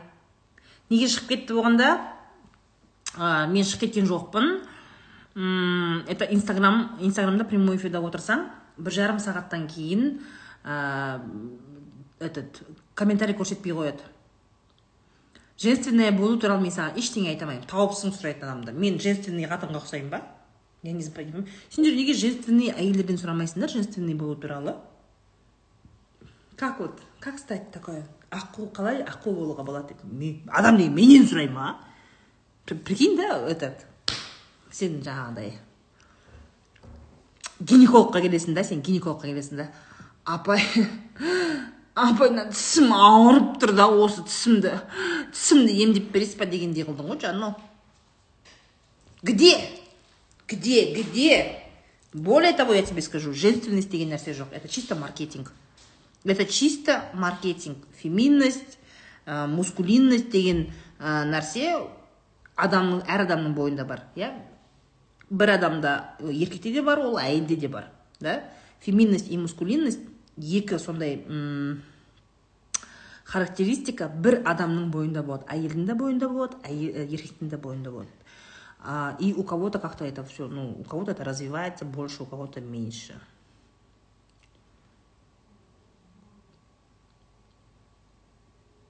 Не қыласыңдар не қыласыңдар осы знаете например у меня э, у меня в гардеробе практически все черное у меня в гардеробе практически все черное бүкіл киімім у меня реально э, феминности меньше. Но я тебе скажу вот что. Э, өзіңді жақсы көрген сен жақсы көретін сені ә, сені жақсы көретін сен жақсы көретін адаммен сен ә, ашыласың да вот человек допустим твой любимый человек принял тебя такой какая ты есть. Жаңағыдай дәу бургерді опырып жесең де сен қандай болса да сені солай ә, қабылдады ғой. Сен сондай адамның алдында сен ашыласың сен әртүрлі боласың. Вот у меня в гардеробе очень много черных вещей но я иногда покупаю прям хочу прям э, с огромной радостью покупаю а, какие-то вот более яркие вещи, да, более женственные вещи. Я их покупаю, потому что бывает у меня такое настроение, сондай моменттер болады и и реально өз- өзіңнің сүйген адамның қасында сен ашыласың да әртүрлі қырың ашылады поэтому никогда не притворяйтесь. Мысалы егер наоборот сен жаңағыдай аққу қыз болатын болсаң прям аққусың ше и ы, аққу қыздардың проблемасы олар да кішкене андай дөрекі болғысы келеді кішкене характер көрсеткісі келеді да но не могут. Ал наоборот жаңағыдай мен сияқты қыздар жаңағыдай аққу болғысы келеді да бұл қыздардың вечный проблемасы. Шашың шашың прямой болса оны бұрылау керек бұйра болса оны түзулеу керек. Мы не можем успокоиться нам надо то чего нету у меня да? И в принципе это можно. Аққу қыздар тоже олар ойлайды да это наверное странно наверное нельзя а дұрыс емес шығар грубая болған мындай менде табиғатымда жоқ деп отырады да қыздар ше. Тоже пробуйте. Со своим любимым человеком можно все да? Главное найти своего человека. Этродан бір көйлек алып едіңіз ғой солай көрсетіңізші дейді. Көйлек алған жоқпын рубашка алдым мен қазір кірдім. Құтты болсын.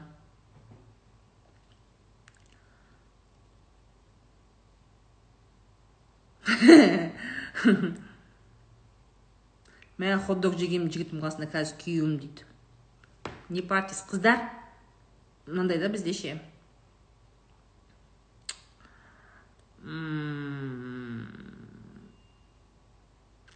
Қыздар жігіттерді көрген кезде бір сразу бүйтіп жинақталып қаласыңдар ғой. Почему то любой әйел мысалы біз өзіміз де мына подружкалармен отырамыз ғой. Кафеде бірдеңеде отырасың да қыздар өзімізше ха ха ұстап ше деп ана мен ана мерзкий күлкім бар ғой ана ше ха дейтін бар ғой. Сондай мерзкий күліп бәріміз ана шашылып ана все да точно айтасың! да приколдарды жіберіп сөйтіп отырасың ғой сөйтіп бір подружканың қасында күйеу келіп қалады ғой енді алып кетуге келеді да сосын иә кел деген кезде бәрі бүйтіп қалады иә қалайсыңдар самат а жақсы ма? Жаңа ғана хақ ана чайка болып қырылып ана кафеде отырған кезде ше чайка болып осы андай ана шулап отқанбыз. Бір жігіт келіп қалса қалайсыңдар? Иә иә деп бет осы қыздар сразу ол бізде вообще әйелдерде ол это почему то вот по умолчанию сондай ма өзі сөйтіп кетеді өзі әйелдер. Ол сразу қосылады. Ол аққу болсаң да болмасаң да ол қосылады ол. Сразу любой бір жігіт не қалмаса келіп қала ма ортаға оған дейін қыздар тура чайка ғой шулап бір біріне сөз бермей жатқан кезде бәп сразу шай бар ма? Алдында вино ішіп жатқан шампан ішіп жатқан қыздар ше ой жоқ болды болады осы шай шай алайық деген сияқты ол ішпейтін болып қалады бәрі ровный болып қалады ше иә. Білмеймін неге екенін. Қыздар сразу сөйтіп шығады да ну вот как то вот по природе. Біздер қыздар қанша дегенмен ер азаматты өте қатты сыйлаймыз. Өте қатты сыйлаймыз сразу жинақталып қаламыз. Бәрібір қанша дегенмен ол мида ол это подсознательно біз коллективный памятьте ол бар да ер адамды ә, сыйлау ер адамды ә, жоғары ұстау ер адамның алдында ә, артық сөз айтпау деген нәрсені бізге миымызға құйып тастаған ғой. Я же говорю сразу вот, вот все такие все такие. Сондықтан да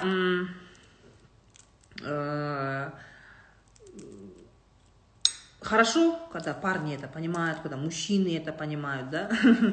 И тәртіпті болып но желательно конечно шектен шықпайды ғой бәрі қанша дегенмен этика бар иә мен осындай екенмін мен андай екенмін демей реально қанша дегенмен бізде этика деген нәрсе бар. Ә, әдептен аспай все таки но максимально шынайы болуға тырысу керек. Өтірік курс сататын блогерлерден ақшамызды қалай алсақ болады? Аружан құрманбай. Жақсы сұрақ. Бұл үлкен өте көп адамдардың проблемасы. Өтірік курс болғанда андай мәселе да. Сіздер курсты алған кезде это считается образовательная услуга. Кез келген курс мысалы мен де курс жатамын да алған кезде договорға қол қоясыздар. Это считается образовательная услуга. Курсты алып сіз оған доступты алған кезде доступты алған кезде услуга считается уже оказанной. Понимаешь? Услуга уже қызмет уже көрсетілген болып есептелінеді. Сондықтан да сотқа берген кезде ақшаны қайтару өте қиын. Өте қиын ақшаны қайтару. Бұл үлкен біздегі проблема. Ә, бір жағынан ә, студенттердің иә курсты сатып алған адамдардың да жауапсыздығы бар бір жағынан ше. Өйткені ә, дұрыс тексеріп алмаған сұрақтарды дұрыстап қоймаған не туралы екенін нақтылап алмаған сондай мәселе бар да ондай да проблема бар. Иногда бывает иә вроде бы бәрі күшті описаниесі бәрі күшті содержание все классно бірақ ашсаң ничего интересного. Да такое тоже бывает. Ә, сондықтан да бұл жерде мәселе я сейчас не защищаю инфобизнесменов абсолютно не защищаю. Я считаю что это неправильно. Ә, услуга считается оказанной. Иногда бывают такие студенты мысалы менде де сондайлар болғанда алады курсты сөйтеді де екі үш күннен кейін ақшасын қайтарып бер деп айтады мысалы үшін и біз менде платформа мынандай да и ты смотришь что он на самом деле открыл все уроки открыл все уроки. И скорее всего он их скачал. Скачал себе потому что сливтарда жүреді менің курстарым. Сөйтеді ақшамды қайтар дейді. Менде платформада бәрі көрініп тұрады. Если әр сабақ ашылған болса ну значит уже посмотрел. Иә уже все платформада менде тұрады да сабақ ашылды ма уже плей, плей ойнады ма сабақ ашылды ма уже все услуга считается оказанной.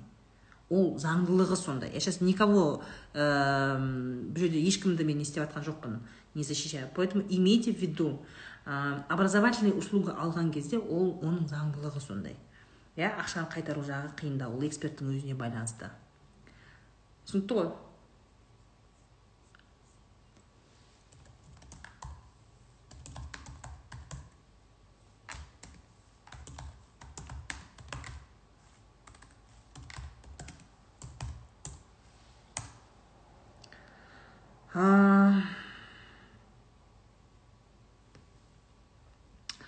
Назираның курсын алғам оптовик болуды үйретем деп күшті прогресс жүргізді да по факту келгенде сммді үйретіп шықты дейді. Енді мысалы да өзің ойлашы оптовик болудың мен сендерге айтайын мысалы егер курс қымбат тұратын болса қымбат тұратын болса кішкене консультация жасап көріп барып алған жақсы. Мысалы оптовик болуды үйренгің келді ма сен базарға бар да бір екі оптовикпен сөйлесіп көр. Сендердің жұмыстарың жалпы қандай? Ә, не істейсіңдер сендер деген сияқты. Таныстап оптовик мысалы мен бір екі рет сондай менде сондай ә, консультацияға бір екі сондай ә, эксперттер келді именно оптовиктер келді. Қарап отырсаң олардың жұмысы ә, біріншіден олар ә, тауар жақсы тауар алатын жерді біліп алады да сосын оны еш жерге бермейді бірінші. Екінші олар нарықты бір бірімен бөліседі. Оптовиктер нарықты бөліседі. Мысалы не сатса да мысалы орешка сатады дейік иә оптовик который продает орешки. Өзі базарда оптовиктер өзі саны бір жетеу сегіз болады. Ол жаққа новенький ешкім кірмейді. Өздері ғана болады да. И әрқайсысының өзінің клиенттері болады. И олар бір бірінің клиенттеріне тиіспейді. Өйткені не? Олар өйткені нарықты бөліп алған. Оптовиктің оқуын оқып сенің оптовик болуың өте қиын дорогие мои. Ол өте қиын. Потому что этот рынок уже разделен. Ол жерде сен біреуді өлтіріп шығарып орнына тұрмасаң мықты оптовик болып кету өте қиын. Ол үшін сен нарыққа бір какой то бір новый товар әкеліп бірден ақша салып келіп отырып басқа дүкендерге бүйтіп таратып беріп сөйтіп сөйтіп оптовик болып кетпесең а так там рынок уже разделен. Кіре алмайсың сен ол жаққа памперстің рыногы сондай любой товардікі сондай. Особенно памперс. Қытайдан келетіндердің бәрі нарықты бөліп алған уже қазақстанда қазір айтпақшы памперс бизнеске жаңағы прокатка бизнеске кіремін дегендер вам уже все уже поздно. Это надо было делать два года назад. Все рынок уже поделен. Әр бренд өздері бөліп алған өздерінің торговый представительдерін қойып алған все нету. Қазір бір новый бір нәрсе алып келемін деп бір жерлеріңді қинамай ақ қойыңдар. Уже там все уже рынок разделили там денег мало. То есть анау бір ақша салып бір сол жерден бір қырам деген мәселе емес. Понимаете? Оның өзінің заңдылығы бар да. То есть тут вообще в целом ответственность была на тебе. Кішкене саған бүйтіп оянып барып алу керек еді да ол курсты. Оптовик болуды үйретемін деген кезде. Так подумай блин подожди қалай сен оптовик болуды үйретесің если оптовиктер уже как бы уже все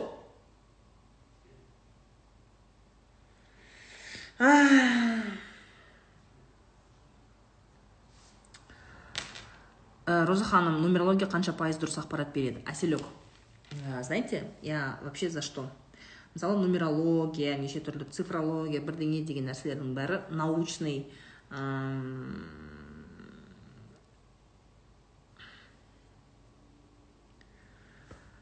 оның бәрі эзотерикаға жатады. Эзотерикаға жатады. Эзотерика оқып эзотерикаға акцент қоймаңдар оған ақша құртпаңдар. Потому что это все что плавает. Оның астында ешқандай фундамент жоқ. Не надо. Берите что то такое фундаментальное. Иә международный сертифицированный нелерден коучинг оқыңдар ә, психология оқыңдар ә, сондай бір астында фундаменті бар иә нормальный университеттен оқитын білімді оқыңдар. Эзотерика университеттерде оқытпайды оны. Не надо не тратьте на это деньги жаңағыдай. Бір нәрсе там ә, цифры бір нәрсе көп қой неше түрлі непонятный нәрселер которые никак не подтверждены. Иә астында фундаменті жоқ олардың болашағы жоқ понимаешь? Это эзотерика потому что понимаете? Наука емес ол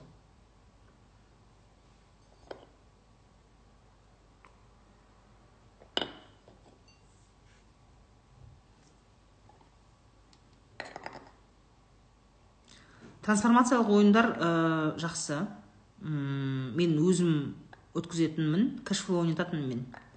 Қазір қойдық қой оны да мен обожаю кэшфлоу ойнатуды ше момент көрінеді ғой адамның басындағы тарақандар сразу топ топ топ етіп түседі ғой ойынның үстінде ше.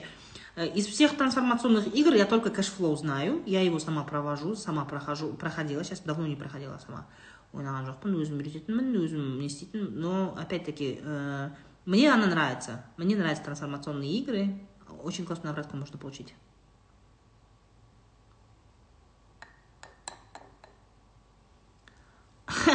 Қатындар тамақ пісіруді үйреніңдер еркектер тамақ пісіруді үйреніңдер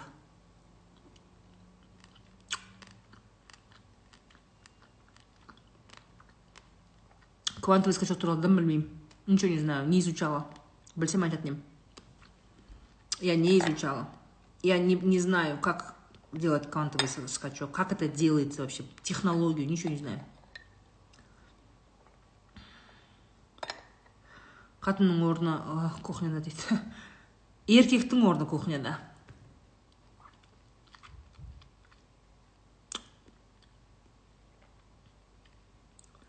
Просто сен оған ақша құртасың да оның астында фундаменті жоқ болғаннан кейін ақшаң зая кетеді да.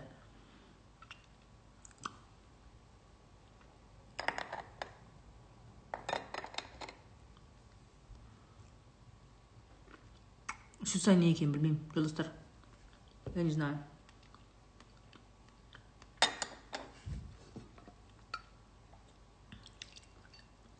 психология туралы кітап совет беріңізші книжный магазинге бар да бар да барлық кітаптарды бүйтіп аласың да артында мазмұндамасын оқып оқып өзіңе ұнағанын аласың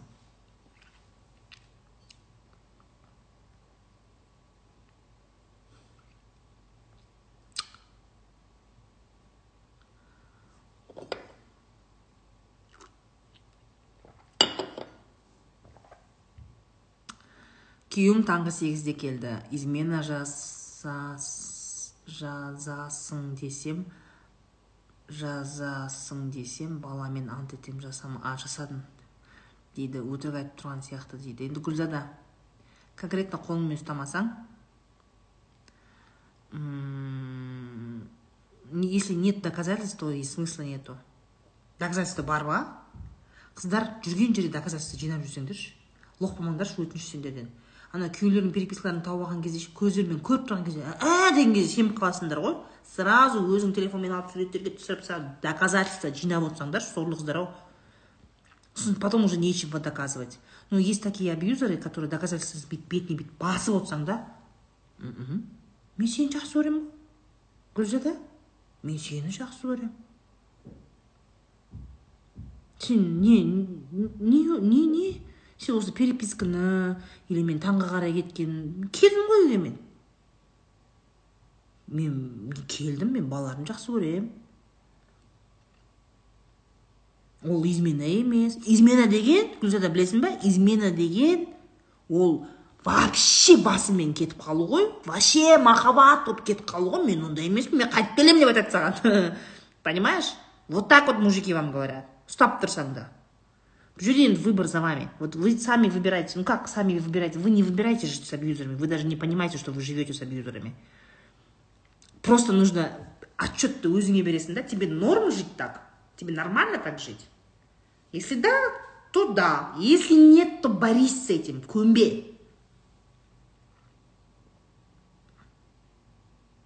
күйеуім төрт жүз мың табады мен екі миллион табамын что то өзгеріп жүр өзгеріп жүргенде не болып жүр не істеп жүр өзгеріп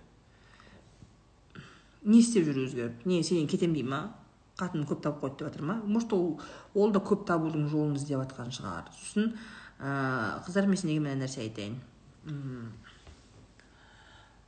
Барынша отбасыда финансовый дискриминацияға жол бермеңдер.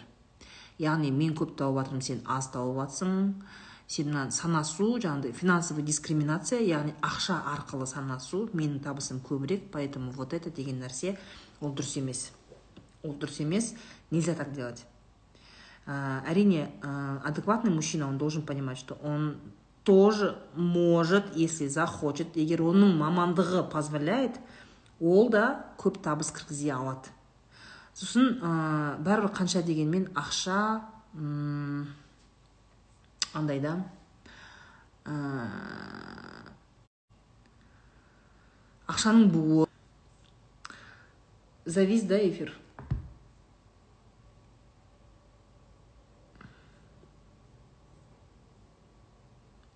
не эфир. Эфир пошел деді ма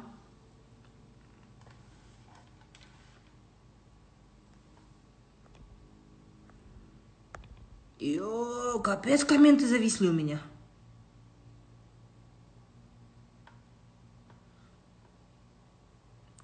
кешегі курсты алсақ үлгереміз ба? Үлгересіңдер үлгересіңдер қыздарға жазыңдар. Но они не успевают они зашиваются они не спали со вчерашней ночи. Они капец зашиваются. Барынша енді шыдаммен қарап. Не қылыңдар енді не қылғанда не қылып жүресіңдер ғой бір бәле қыласыңдар ғой енді.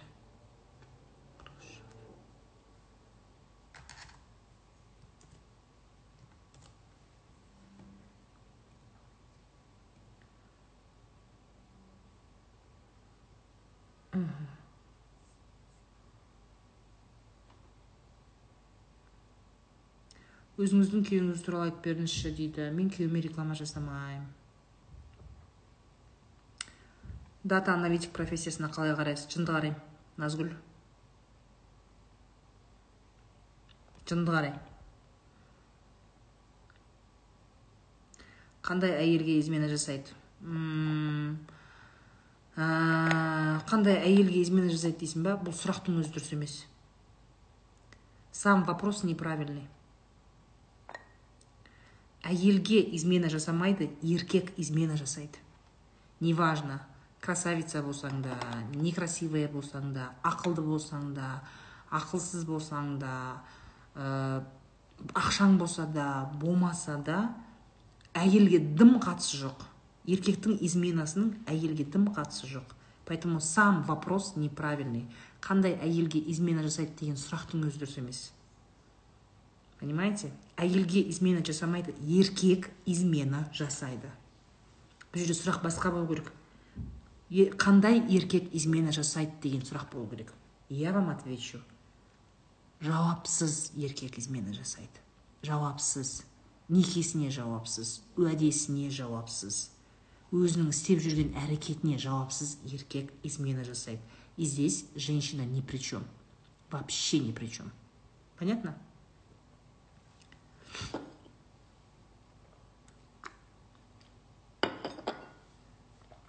Сіздің командаңызға қалай түсе болады өткенде вакансию я же объявляла. Неғып келе алмадыңдар уже болды орын жоқ.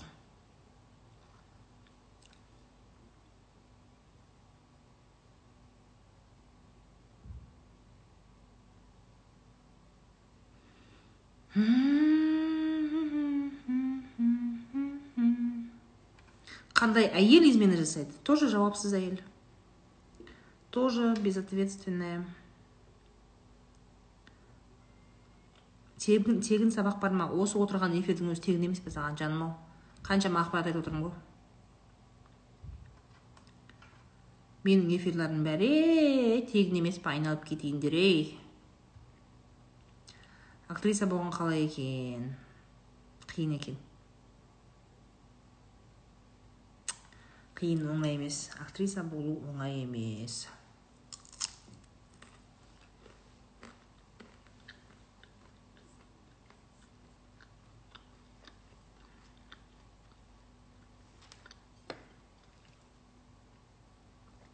менің курстарымды қай сабақтан бастап алу керек? Ну төрт жүз елу мыңға программа ала алмасаң онда интенсивтерді алуға болады но на интенсив пока продаж нету. Интенсивтар қымбат емес 15 бес мың жиырма бес мың сондай тұрады. Егер жаңағыдай ә, не ала алмасаң аты не еді әлгі ә, программаны ала алмасаң төрт жүз елу мыңға. Онда сондайлардан бастап алуға болады. Егер оған да ақшаң болмаса онда эфирлер қарап отырасың.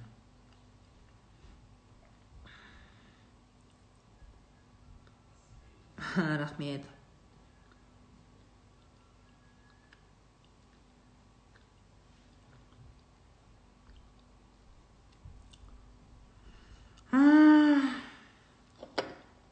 Күйеуім қаншалықты жаман болса да оны балаға жаман көрсетпеу дұрыс па? Дұрыс емес. Дұрыс емес. Жамандығын жасырып жақсылығын асырып отыратын қатындар. Чему вы учите детей? Чему вы учите детей? Чему что ты даешь своему мужу? Он понимает мен ит мінез болып жүре берем. Сенің күйеуіңе оның туған балалары қызық емес вообще. Олардың тәрбиесі олардың психикасы ему вообще это не интересно ему насрать на это. Почему? Потому что сен оның көтін жауып отырсың сен оны мақтап отырсың ғой балаларыңа балалар соқыр емес дети все знают.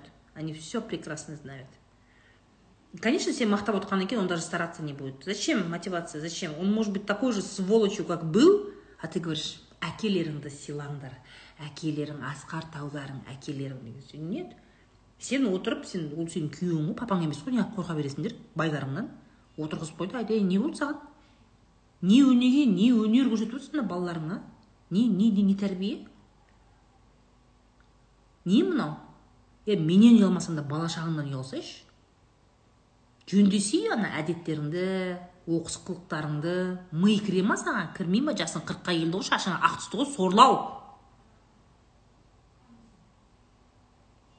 Зачем вы в эти игры играете? Ребенок прекрасно знает, кто такие его родители. Прекрасно знает. қанша жерден сен концерт ойнасаң да он прекрасно знает баладан ештеңе жасырамайсың и для мужика вообще мотивации нету. Сендер өздерің байларыңды бүйтіп емізіп отырасыңдар ғой емізіп емшектен шығара алмай отырасыңдар ше. Тұңғыштарыңды бала бағасыңдар ғой. Көтін жауып ше оны бар ғой білмеймін бөпе сияқты қарайсыңдар ше. Все барлық бүкіл оның міндеттерінің бәрін мойнына алып алып оны жақсы қылып көрсетіп зачем ему стараться? Зачем? Зачем? Ол егер өзінің оқыс қылығының нәтижесін өзі көрмесе. Сендер бүйтіп қағып алып отырасыңдар ғой. Оның ә, оның маңдайына оның маңдайына істеген әрекеттерінің таяғы тию керек қой. Оқыс қылықтарының таяғы оның маңдайына тию керек қой.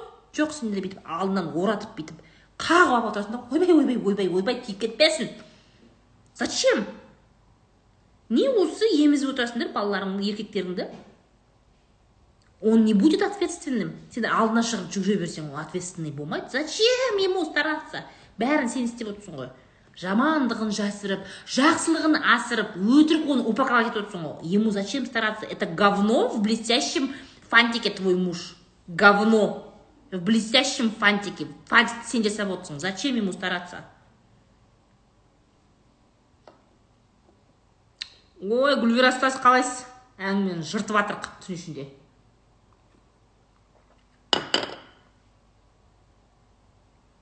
Қандай поддержка? Не айтып жатсың не айтып жатсың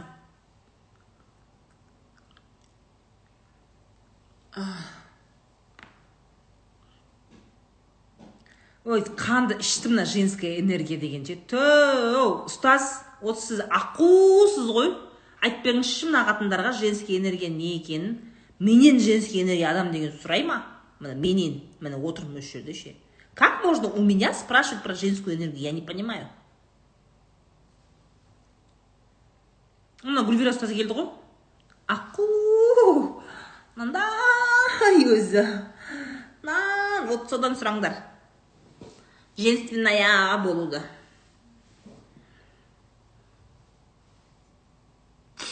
бізде өз ұстаздардың ішінде ең аққуы сол гүлвира ұстаз өзі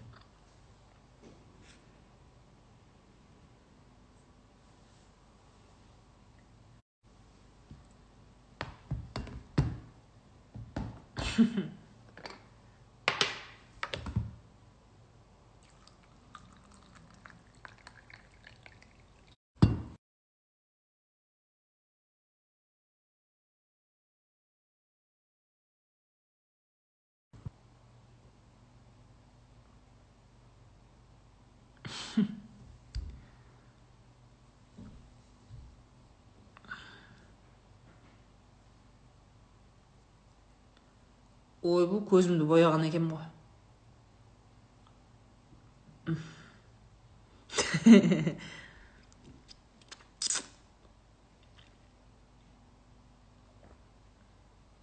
ақша туралы айтыңызшы не айтайын болды гүлвира ұстаз аққу ұстаз болып өзін өзгертетін болды ұстаз эфирге шығайық та шықсаңызшы эфирге жыртпадық па әңгімені заявка жасап көріңізші аққу ұстаз екеуміз салыстырсаңдаршы күйеуің жалқау болса не істейміз көтінен бір тебесің лучшая мотивация для мужика это выгнать его из дома үйден қуасың көтінен бір тебесің мусор пакетті аласың ішіне жумайтын өзі жинамайтын нәски түрсилерін жинап киімдерін жинап аласың да шимақтап шимақтап терезеден лақтырасың есіктен ба терезеден лақтырасың. Түсіндің ба? Лучшая мотивация. Еркектің көтінен көтергің келетін болса бір тебесің. Не надо женственность прокачивать. Зачем? Типа сейчас мен нежная боламын оған вкусный ужиндар жасаймын оны мотивировать етем оған мырзам деп айтам телефонға атын миллионерім деп жазып қоям отағасы деп айтам сосын ол миллионер тфу да көтінен бір тебесің. Лучшая мотивация. Содан адам болса болды болмаса болды до свидания. Другого выхода там нет. Ол шығу керек зона комфортадан конечно ол жалқау. Конечно жалқау тамағы дайын киімі дайын үйі тап таза балалары сабақ оқып жатыр әйелі красавица түнде әйелі береді. Секс у него бесплатно есть. Зачем ему стараться? Зачем?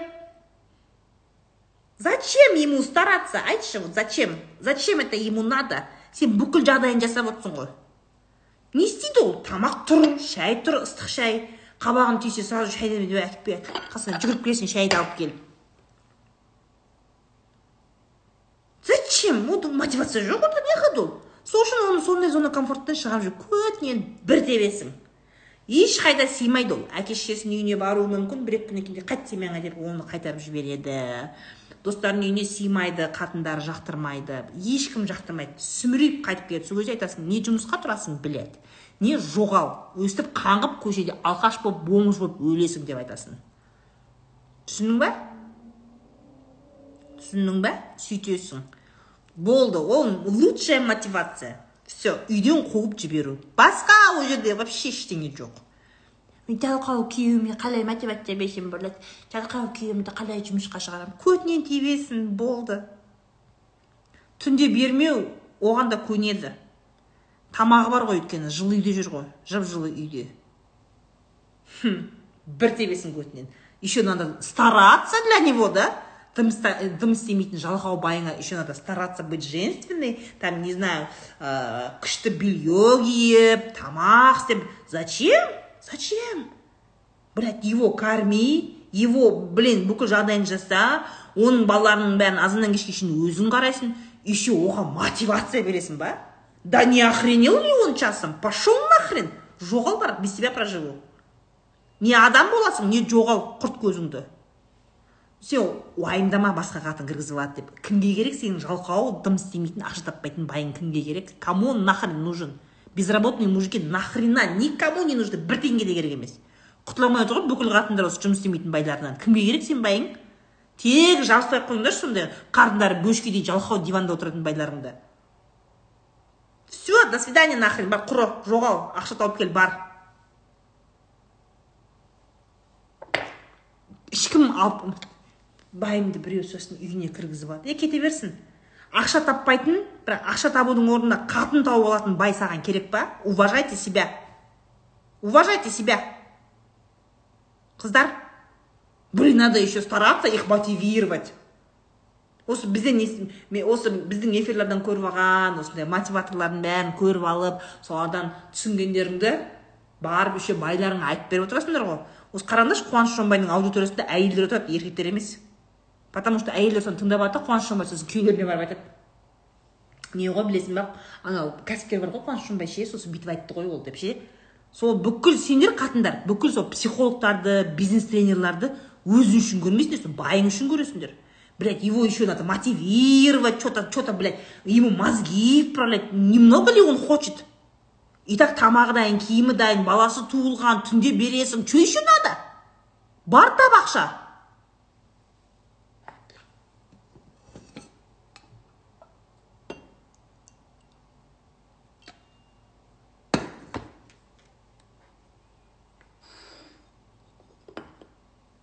мен ғой айтып беретін дейді. Білемін ғой сендер айтып беретіндеріңді марғұлан сейсенбай бәрінде отыратын әйелдер.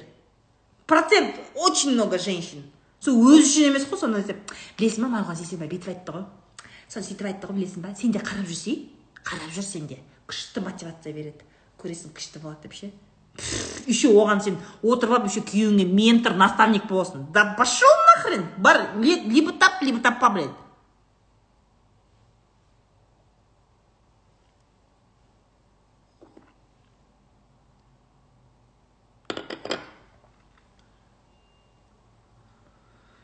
Біз разы болмасақ жұмаққа түспейсіңдер дейді жұмақтың кілтін алып алыпты не смешите мои тапочки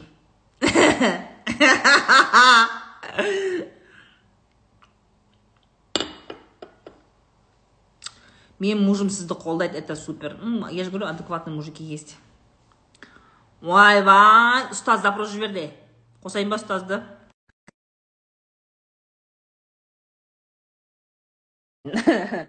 біз болмасақ сендер кіре алмайсыңдар жұмаққа дейтіндерге сендер біз болмасақ сендер жұмаққа кіре алмайсыңдар Так. прием прием прием Ассалаумағалейкум. уағалейкум Қалайсыздар, кешір? салам қалайсыз ба Ау? ба қайда жүрсіз Аққу ұстаздарыңыз көлде жүр десең да. Аланида отырмын. қайда Алани, Аланида. а түркиядасыз ба ой сапар сәтті болсын Не дейді? сапар турцияда сәтті болсын түркияда болыпсыз ба деймін Алматыдағы Аланида. кафе кафе чайхана Кафеде отырмын. Қалайсыздар? Жақсы шүкір өзіңіз Мына қалайсыз жақта бір күшті сұрақтар кетіп жатыр ғой. Мені женственная дедіңіз ба? Рахмет. Иә. Мен өзім женственная деп санамаушы едім. аққу дедім ғой аққу Ә, Все, болды. Мен енді аққу ұстаз деп өзгертіп қоямын ау деймін. профиль аққу деп жазып қоясыз ғой роза коучтың несі қойған деп па иә бізді иә көбісі иә сізді и- ин мен ян деп айтады ғой мен айтамын ой это точно деп иә. Даже номеріміз ин мен янь болып тұр ғой бүйтіп да да да да да да да. Не дейді. Так ал сұрақтарыңызды қойыңыздар. Воспользуйтесь моментом. Я свой вариант скажу ұстаз свой вариант скажет. Мен оңдырмаймын білесіңдер ғой. Иә. бірақ бытышын шығарамын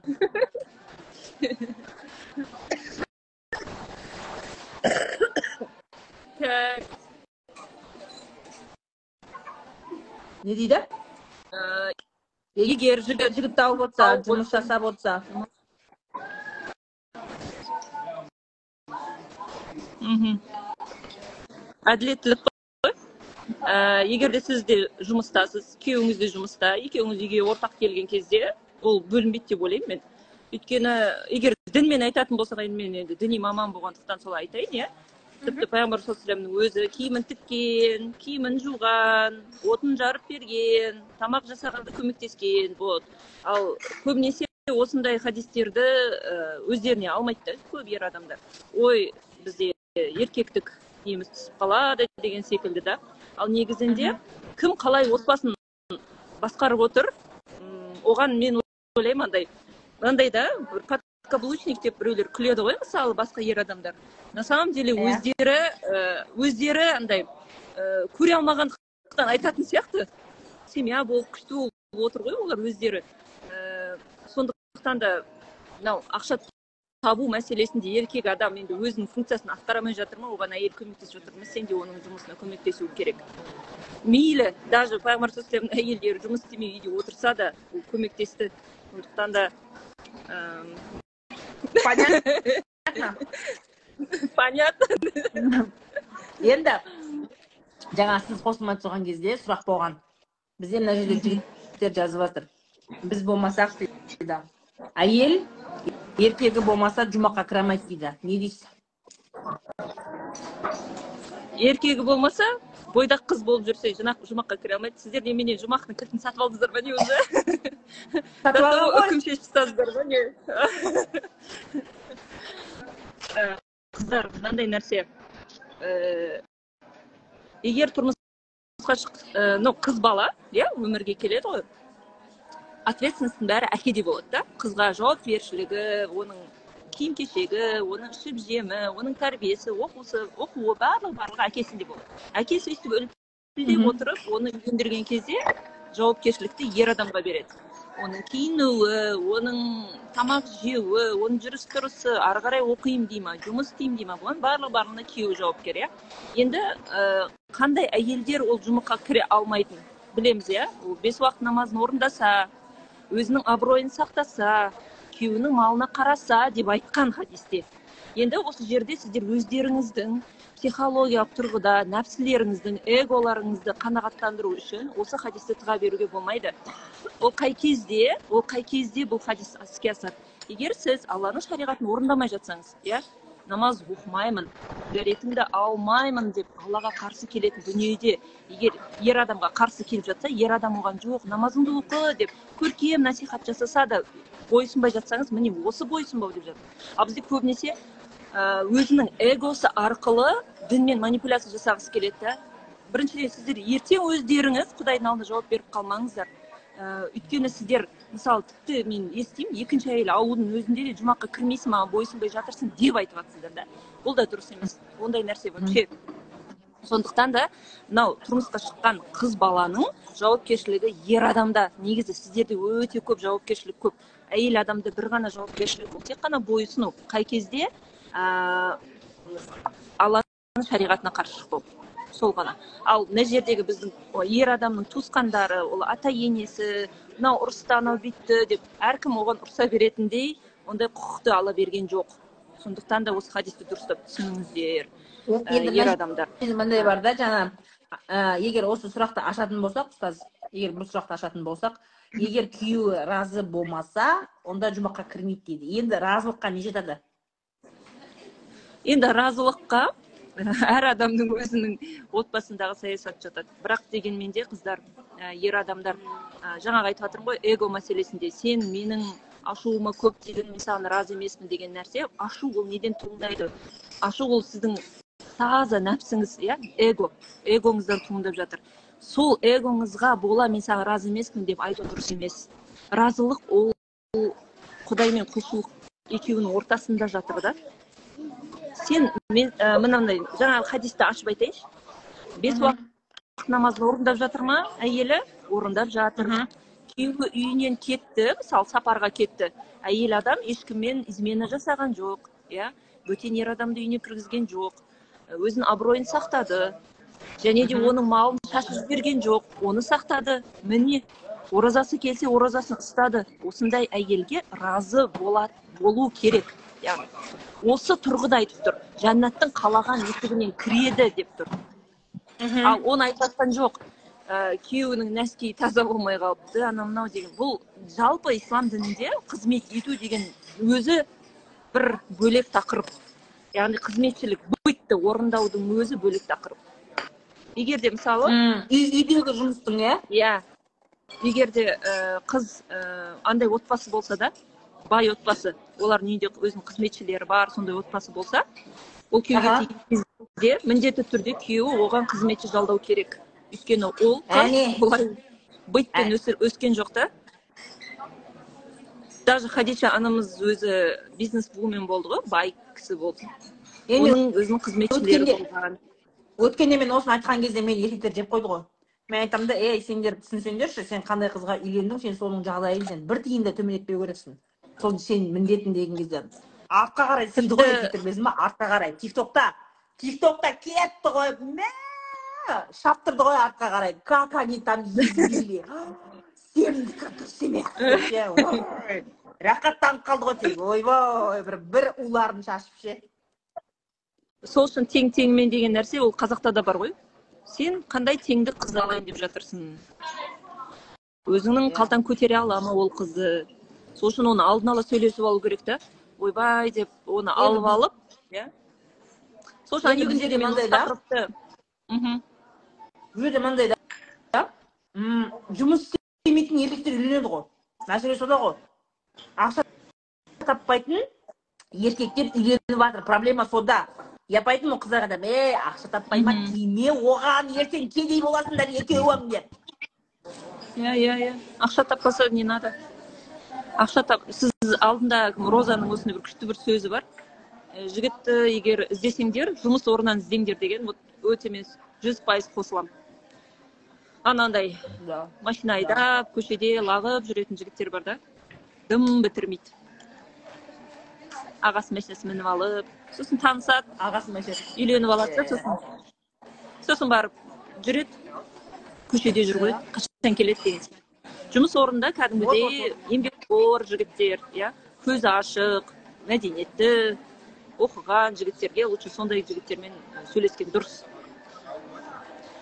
Ә, егер Да, да, да, да, да. ә, мынау бізде қазақта жақсы сөз бар ғой. Есектің несін жуса да артын жуса да мал тап деген бар. Сондықтан да да. мынау жұмыстың өзін таңдайтын жігіттерден де опасно олардан қашу керек. Андай сразу Иә. кресло керек маған деп айтатын ой мен андай жұмыс істемеймін. Деген сияқты. Жоқ қай жерде тыйым бар сол жақта жүретін жігіттер вот. Нағыз ертең отбасын асырайтын болады да. Ертең сіз балаңызға тура сол тәрбиені береді ол. Тура сол тәрбиені береді тура сондай. Жаңағындай ақша таппайтын қаңғыбас бір балалар болады да. Иә. жұмыстан ә, расында жұмыстан намыстанбау керек. Бірақ та мен былай ойлаймын да жұмыста өспейтін жігіт тоже неправильно. Иә жұмыс орнын ауыстырмайтын иногда бірінші жұмыс ретінде жаңағыдай официант болып істейді стройкада істейді. Әртүрлі сондай жұмыс істейді это первая работа. Но задерживаться на этой работе долго это ненормально. Адам өсу керек. Оның карьерасы өс- өсу керек обязательно. Иә иә иә зона комфортаға отырып қалғандар бар ғой. Өте қиын. Олар білесіздер ма тіпті ә, жаңа үйге дамуға бір саяхаттау деген нәрсеге вообще көнбейтін адамдар. Оларға бір сол бір жылы ұяда жата берсе екен деген сияқты. И ол бір ғана саланы біледі миы да соған шектеліп қалған болады да. Егер ол мысалы түрлі түрлі саланы игерсе түрлі түрлі жұмыста болса ол адам коммуникативті дамыған адам болады да. И ондай адаммен дамыған да күшті Вот. А мен жаңа айтып жатырмын ғой, мені сұрап жатыр да, менен қыздар сұрап жатыр. Жалқау күйеуіме қалай мотивация беремін дейді. Я говорю, выгони его. Выгони. Не мотивация керек? Міне мына жерде мысалы, білмеймін, мынау, по-моему, сіздің подписчицаларыңыз ғой да, қыздар өзімізден бастайық, күйеулерімізге поддержка берейік дейтіндер отыр мына жерде ше. Не поддержка керек? Тамағы дайын, төсегі жылы, киімі жуылған, баласы туылған, все у него есть. Какая еще поддержка нужна?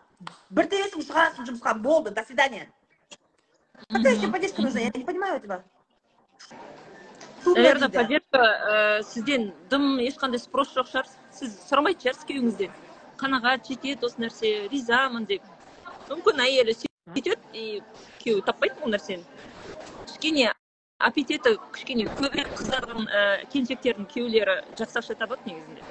Ананы вот. алып бер мынаны алып бер деп отыр маған айтып Поэтому- жатыр мында ұстаз ұстаз деп табынып кеттіңдер ғой деп.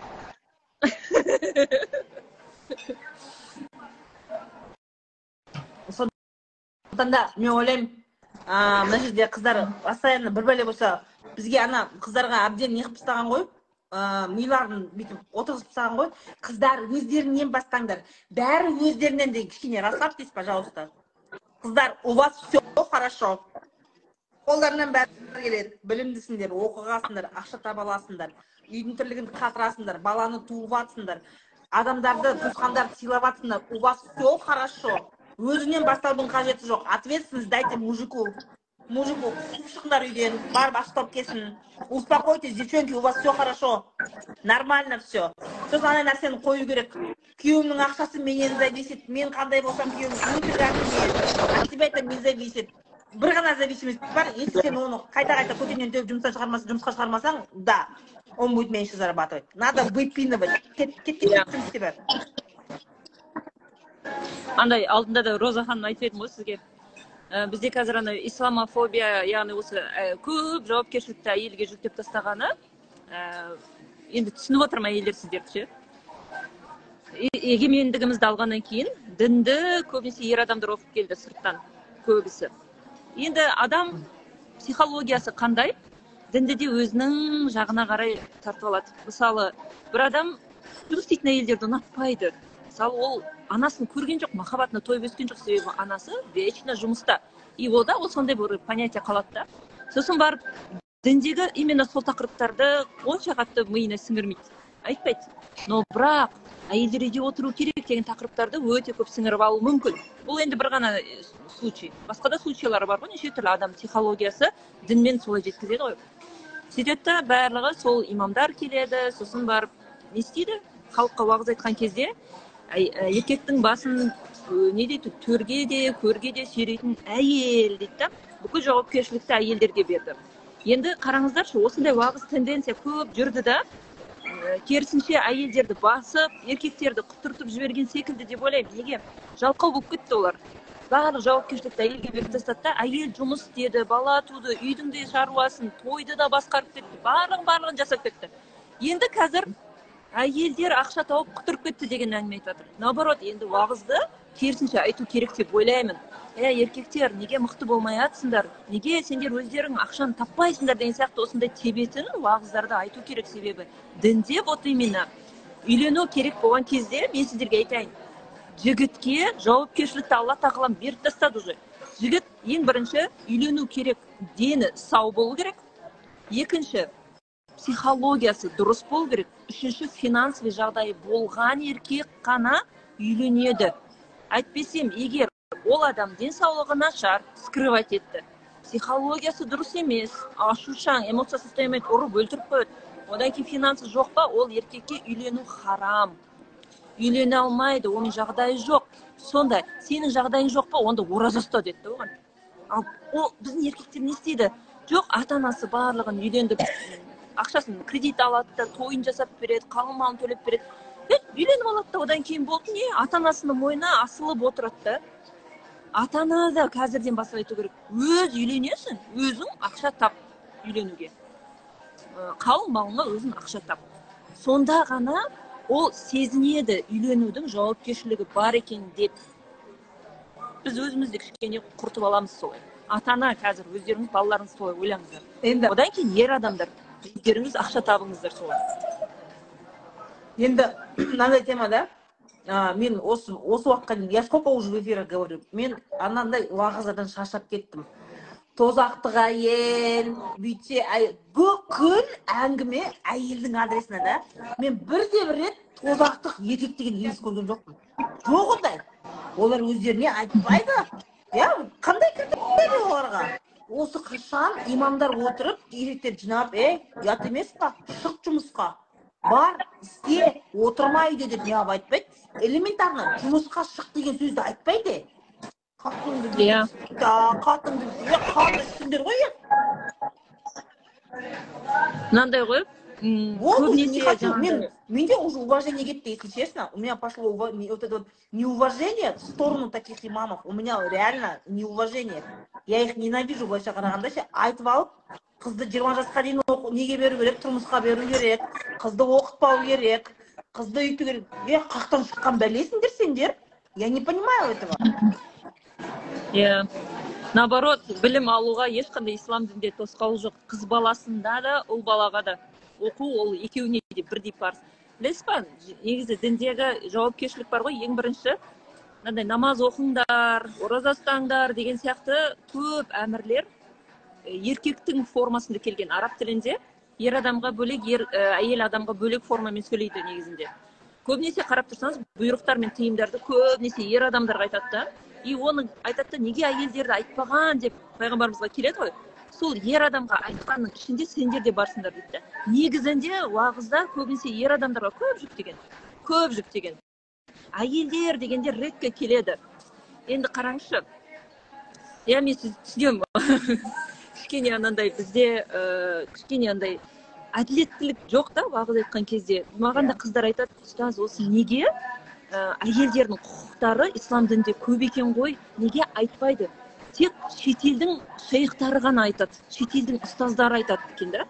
Мысалы турция болсын араб мемлекеті болсын иә.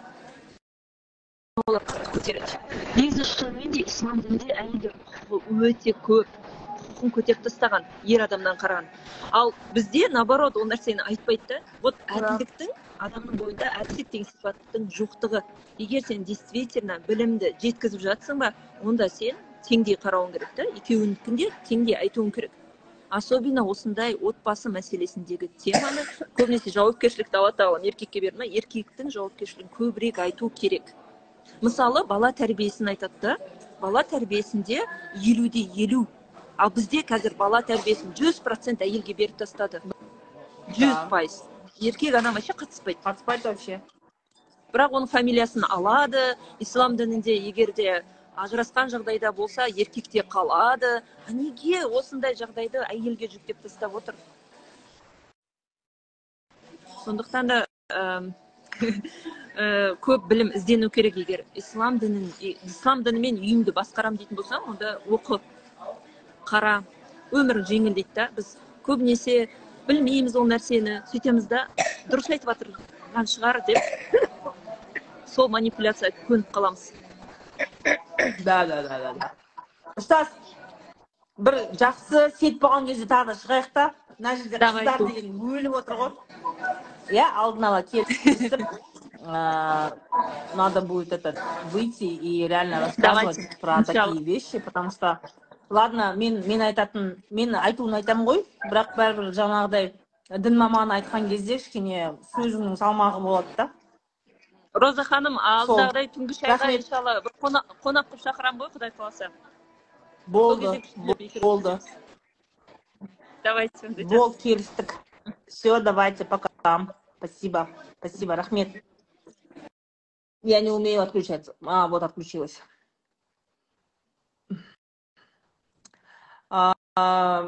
жалпы э, как вы уже поняли дорогие мои қонаққа барыңызшы дейді шақырса барамыз ғой ой неше түрлі қонаққа шақырып жатыр ғой қазір мені. Неше түрлі қалаға. Заманауи ма?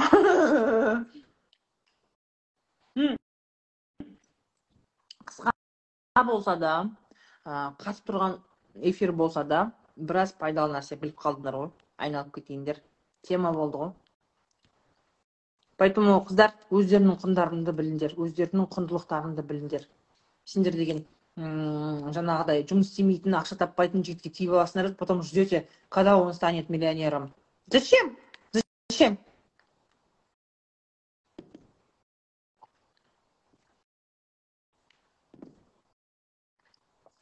Подписка келді ғой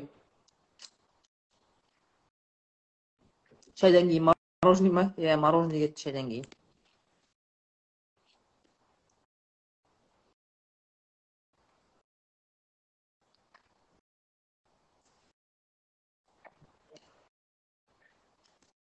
Да, вроде бы кішкентай ғана момент, но очень важный, я считаю, очень важный. Ұстаздың аккаунтын жазсаңдаршы.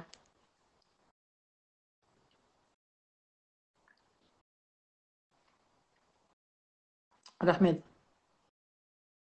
Егер байымда мүлдем вера религиозность болмаса не істеймін? Я не знаю. Это вот у них спрашивайте.